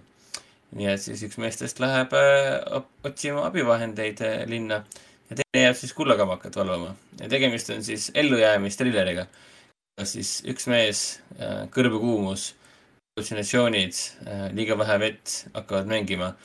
selle nimel, et kui kaua ta suudab selle vastu pidada, et oma, oma elu suurim kullakamakas, suurest ahnusest nii-öelda, kas ta on valmis oma eluga riskima või mitte. kui kaua ta vastu peab. treileri põhjal tundub väga kihvt asi, mida, mida kinos nautida. ja nagu ma enne mainisin, siis veebruarist kolmapäeviti saab näha kinoklassika raames ei miskit muud kui äh, kõige romantil-, romantilisemat filmi, mida veebruaris vaadata, ehk siis Moonakeste vaikimine. ja teine kõige romantilisem film tuleb meil siis märtsis, ehk siis Jürgi instinkt ja jah, nii, nii on. mõrv ja kannibalism, ok Chianti. ja, tuletab meelde seda, kuidas esimest Deadpooli reklaamiti kui äh, filmi, mida siis sõbrapäeva ajal koos kaaslasega vaatame. oli jaa, see oli mingi tohutu, issand seda sai ikka söögi alla ja söögi peale, kuidas seda Deadpooli reklaamiti. mäletan, et mul lõpuks viskas, viskas Deadpooli reklaamist nii üle, et ma mõtlesin, et see film on täielik jama ja läksin siis kinno vaatama, et noh, kas on päris hea. et äh, jah. Artises, Artises saab kahekümne kaheksandast, kahekümne kaheksandast jaanuarist näha siis äh, selliseid, äh, kaks prantsuse filmi alustab meil üks neist on siis Prantsuse elava klassiku Francois Ozoni uus film, uusim film siis Kõik läks, kõik läks hästi. mis on siis sellisel masendaval teemal muidugi kahest siis õest, kes lähevad oma sureva isa eest hoolitsema. kes, kes palub põhimõtteliselt tütardel lasta tal eutanaasia teha, sest ta ei taha niimoodi edasi elada. Äh, kuna see on Francois Ozoni film, siis see ei ole kindlasti nii masendav ja nii tõsine, kui esmapilgul tundub, siin on ro- rohkem sellist, sellist musta huumorit ja, ja tundelist, tundelist lähenemist. aga teine prantsuse film ei ole vähem äh, tõsine, sest ta on kahe maailma vahel. Between Two Worlds, mida ma tahtsin tegelikult siin suvisel kannil ka näha, virtuaalses kannis siis, aga minusugusele õigust sellele, selleks ei antud ja film põhineb siis prantsuse ajakirjaniku äh, Florence Aubanese kahe tuhande kümnenda aasta siis äh, raamatul, mis rääkiski tegelikult siis äh, Prantsuse põhjapoolset, põhjapoolse piirkonna siis, sadamapiirkonna siis koristajatest. ja see ajakirjanik äh, sõna otseses mõttes läks, läks äh, koristajaks, et saada nagu ainest, millest oma raamatut kirjutada ja see ühel hetkel tuleb muidugi välja ka, et ta sealt sõbruneb nende inimestega, aga selle raamatu mõte oli põhimõtteliselt näidata nende inimeste elusid, kes koristavad, antud juhul ainult koristajad siis, kelle jaoks iga euro on ülimalt oluline, kelle jaoks see töö on ülimalt oluline kelle jaoks see töö põhimõtteliselt võib iga, iga kell ära kaduda. et ta nagu avab seda maailma läbi siis inimese pilgu, kes tegelikult pole selle maailmaga kunagi kokku puutunud ja selle filmiga seoses on meil kahekümne seitsmendal siis äh, jaanuaril nüüd neljapäeval on daamide valiku, daamide õhtuseanss, kus siis äh, Kertu Rakke, kirjanik Kertu Rakke teeb ka sissejuhatuse. lisaks sellele alustab meil ka siis äh, kaheksakümne päevaga mööda maailmaga uus äh, tore animatsioon ja siis ka siin pole midagi naljakat, Nothing to laugh about, Norra komöödia, mis kõlab kindlasti teile kahtlaselt sarnaselt, sarnasena ühe, ühele filmile, mis oli Al Walkettist, Ühe mehe show, mees, kes äh, tegi, oli ka siis stand-up comedian ja tegi raadiosaateid. Ja siis äh, avastati tal vähk. naine läks tema juurest minema, see oli selline must komöödia, mitu aastat tagasi oli Eesti kinodes, Eesti film põhimõtteliselt. ja nüüd tuleb välja Norra, jah, ja nüüd tuleb välja Norra film äh, Kasper, Kasperist, kes on neljakümne aastane edukas siis stand-up koomik, kellega juhtub täpselt sama. selle filmi infot lugedes mitte kuskil pole kirjas, et see oleks remake, et see oleks sama story't kasutatud, sest see, mis Al Walketiga juhtus, oli täpselt see tema elu põhjal. ja nüüd siis ma lugesin selle filmi siis tagamaade kas see ei kohta. olnud, kas see ei olnud mitte, mitte Al Walker oli filmi režissöör, aga see, mitte Al Walket, vaid see, ma olen segamini nimesid, mitte Wal- Walket, Walket oli see pseudonüümne režissööri nimi. filmi peategelane, see Jah. see, kes selles Raiko, Raiko äpis loeb ka tekste peale, vaata. kunagises Raiko äpis. mis ta nimi oli? ma ei mäleta, mis ta nimi enam oli. guugeldage ühe, ühe mehe show, tuletame meelde. aga, aga see film. Stewart Johnson, Stewart Johnson. Jah, Stewart Johnson. Ja see film siis, kogemus, temal oli kogemus ja siis selle põhjal justkui tehti siis komöödia. ja, ja selle põhjal justkui tehti, tegid siis norrakad ka, aga, aga kui ma lugesin nende stsenaristide ja režissööri nagu äh, intervjuusid, et nemad kõik ise mõtlesid selle romaani, selle loo välja, selle stsenaariumi välja, ise tegid. kuskil seda ei mainita. et ma ei ole filmi tegijad tegi ise ühendust võtnud, aga peaks nagu uurima. Et äh, kui suur on tõenäosus, et, et äh, üks inim-, üks asi, mis juhtus inimesega päriselus, on teise inimese jaoks välja mõeldud fiktiivsus ja ta ei teadnud seda, et see teine asi on olemas, et mingi, mingi teema siin on, aga pigem on huvitav näha, huvitav võrrelda. kumb siis on parem film, kas norrakate versioon sellest loost või eestlaste oma? vot ja juba mainitud Luupaina ja Lee eelseansid jooksevad meil kolmanda, kolmanda veebruarini. Veel tahaks mainida, et esimesest veebruarist ka kuuenda veebruarini jookseb siis ka DocPoint Artises, iga päev on viis sentsi vähemalt. ja suurimad pärlid, mis ma välja tooksin, on kindlasti Monika Siimetsa Kaks tundi õnneni, Andre Arnoldi äh, ehk siis äh, Briti kits- kitsensink kuninganna äh, esimene dokumentaalfilm Cow. siis tooksin välja ka Mark Cousinsi vaatamise lugu, Sergei Losnitsa, minu üks lemmikrežissööre, Babi Jaar, Kontekst, mis tundub olevat täpselt selline film, et äh, nat- natuke üle kahe tunni äh, Ukraina siis äh, holokaustist äh, holokausti ajal toimunud äh, massimõrvast ja siin tulemaski siis eestlastega koostöös tehtud Räägiera ja siis vast kõige põnevam asi, kuna me just vaatasime Põhja-Korea Nuhi filmi, tuleb ka dokumentaalfilm Nuhk salaja Põhja-Koreas, mida ma kindlasti puhtalt sellepärast näha tahan samal ajal Dogpoint jookseb ka Elisa Stage'is, tasub Dogpointi kodukale vaadata, samad filmid, enamjaolt samad filmid on ka siis olemas täitsa äh, internetis. ja siis saame mainida veel nii palju ka, et Artichoke kahvadele Perisens on tulemas üheteistkümnendal veebruaril filmiga Tantsija pimeduses, mis nüüdseks on ka siis Lars von Trieri Kevade äh, avapauk, ametlikult seda kõike pole veel välja kuulutatud, aga nüüd uuel nädalal see info tuleb välja. põhimõtteliselt me näitame maikuuni välja igal kolmapäeval, iga nädala kolmapäeval äh, kokku siis neliteist äh, Lars von Trieri filmi ehk siis kõik tema filmid, välja arvatud üks äh, kassettfilm, kus oli mingi kahekümne režissööri filmid ja üks tema lühifilm oli seal. aga jah, kõik filmid tulevad näitamisele ja kaheksateistkümnenda maini põhimõtteliselt need jooksevad. et nüüd uuel nädalal lähevad kõik seansid müüki ja see toimub samal ajal ka Elektriteatris ka. vot, aga saamegi joone alla tõmmata ja, ja, ja ma ei tea vi, viimase uudisena võime mainida seda, et jah, Batman, mis alustab neljandal märtsil, Matt Reavesi film on kaks tundi ja viiskümmend viis minutit pikk. kui me võtame tiitrid ära, siis tegelikult on kaks tundi nelikümmend seitse ja senistest Batman'i filmidest jõuab sellele lähedale ainult The Dark Knight Rises, mis on siis ainult Batmanist, mis on kaks tundi ja nelikümmend neli minutit pikk. Et ma arvan, et siin mingi õigluse liiga Snyderi versioon väga ei loe, et see on neli, neli tundi näiteks või Batman versus Superman Extended. Batman vs Supermani läheb ju küll, see on ju Batman'i film. ei ole ju, Batman ja Supermani film. mis vahet sellel on? on küll. ei no filmi pealkiri on Batman versus Superman, selle filmi peategelane on Batman, kes on, läheb ka kaklema Supermaniga, see on Batman'i film okay.. Supermani film. Igatahes Nii et, saame, saame, saame näha, kui me räägime, et kui me räägime kinoversioonidest, siis on jah, see Matt Reavesi film on siis kõige pikem. jah. aga ei, selles mõttes on huvitav näha, mis mis see pikkus, kas see pikkus õigustab ennast või, või mis see film endast siis vist on seal mingi põhjused see on ka, et aga mina olen beyond excited mis puudutab seda filmi, et Matt Reaves on üks, üks väga äge režissöör. Üks klipp juba tuli välja ka, ma vaatasin selle Youtube'ist ära väga, väga, väga äge. see praegult äh, Andre küsis, et millal jututoa mürtsi saab osta. uh,. hea küsimus. teeme, teeme, teeme, teeme mingi, mingisuguse T-särgi. peame turunduskoosoleku tegema. turunduskoosoleku ja, et äh, T-särgi äh, mingisugused klaasid, noh no,, nagu mul on see Arkenemi kla- klaas, aitäh, venna. siis saame nagu müüa kino, KJ või midagi. siit eraldi Ja- välja, ja- üks on Raiko Puusti nimeline, siis on Henrik Johanov. ei ole, teemegi särgi, et me- Matrix Resurrection sucks ass, kinoveebi jututoa. aa, meie parimad tsitaadid või äh, lähevad. meie parimad koodid. Arkeen on. Arkeen on jumal. jaa, Arkeen on parim. miks, miks sa juba Arkeeni ei vaata?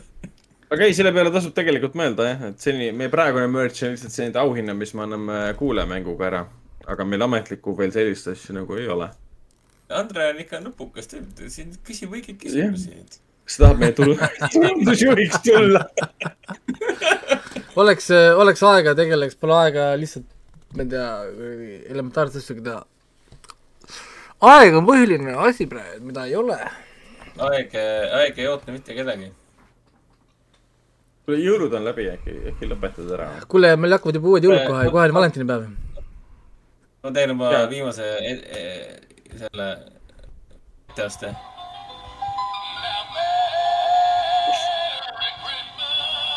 jaa, ühesõnaga ma panen siia sellega taha selle kriketi korraks, näete, kuulete ilusti, kuidas kriketid hästi laulavad koos Hendrikuga.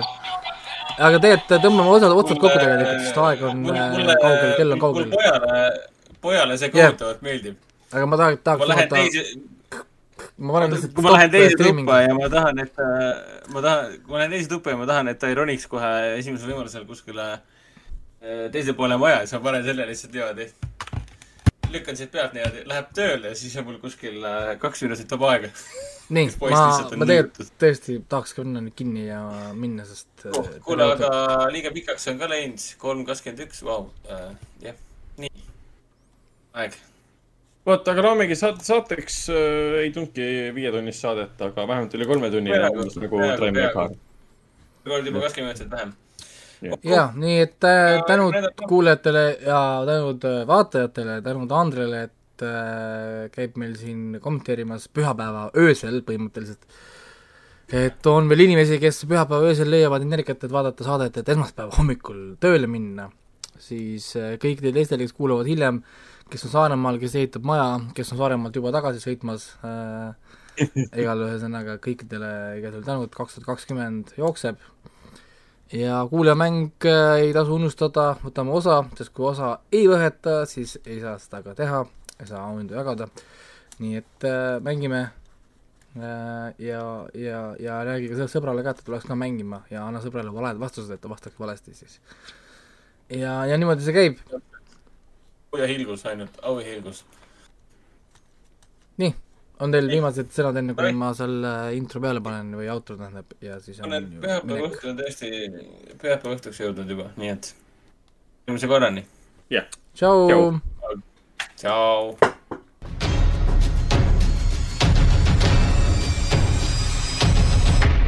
kinoveebi Jututuba podcast.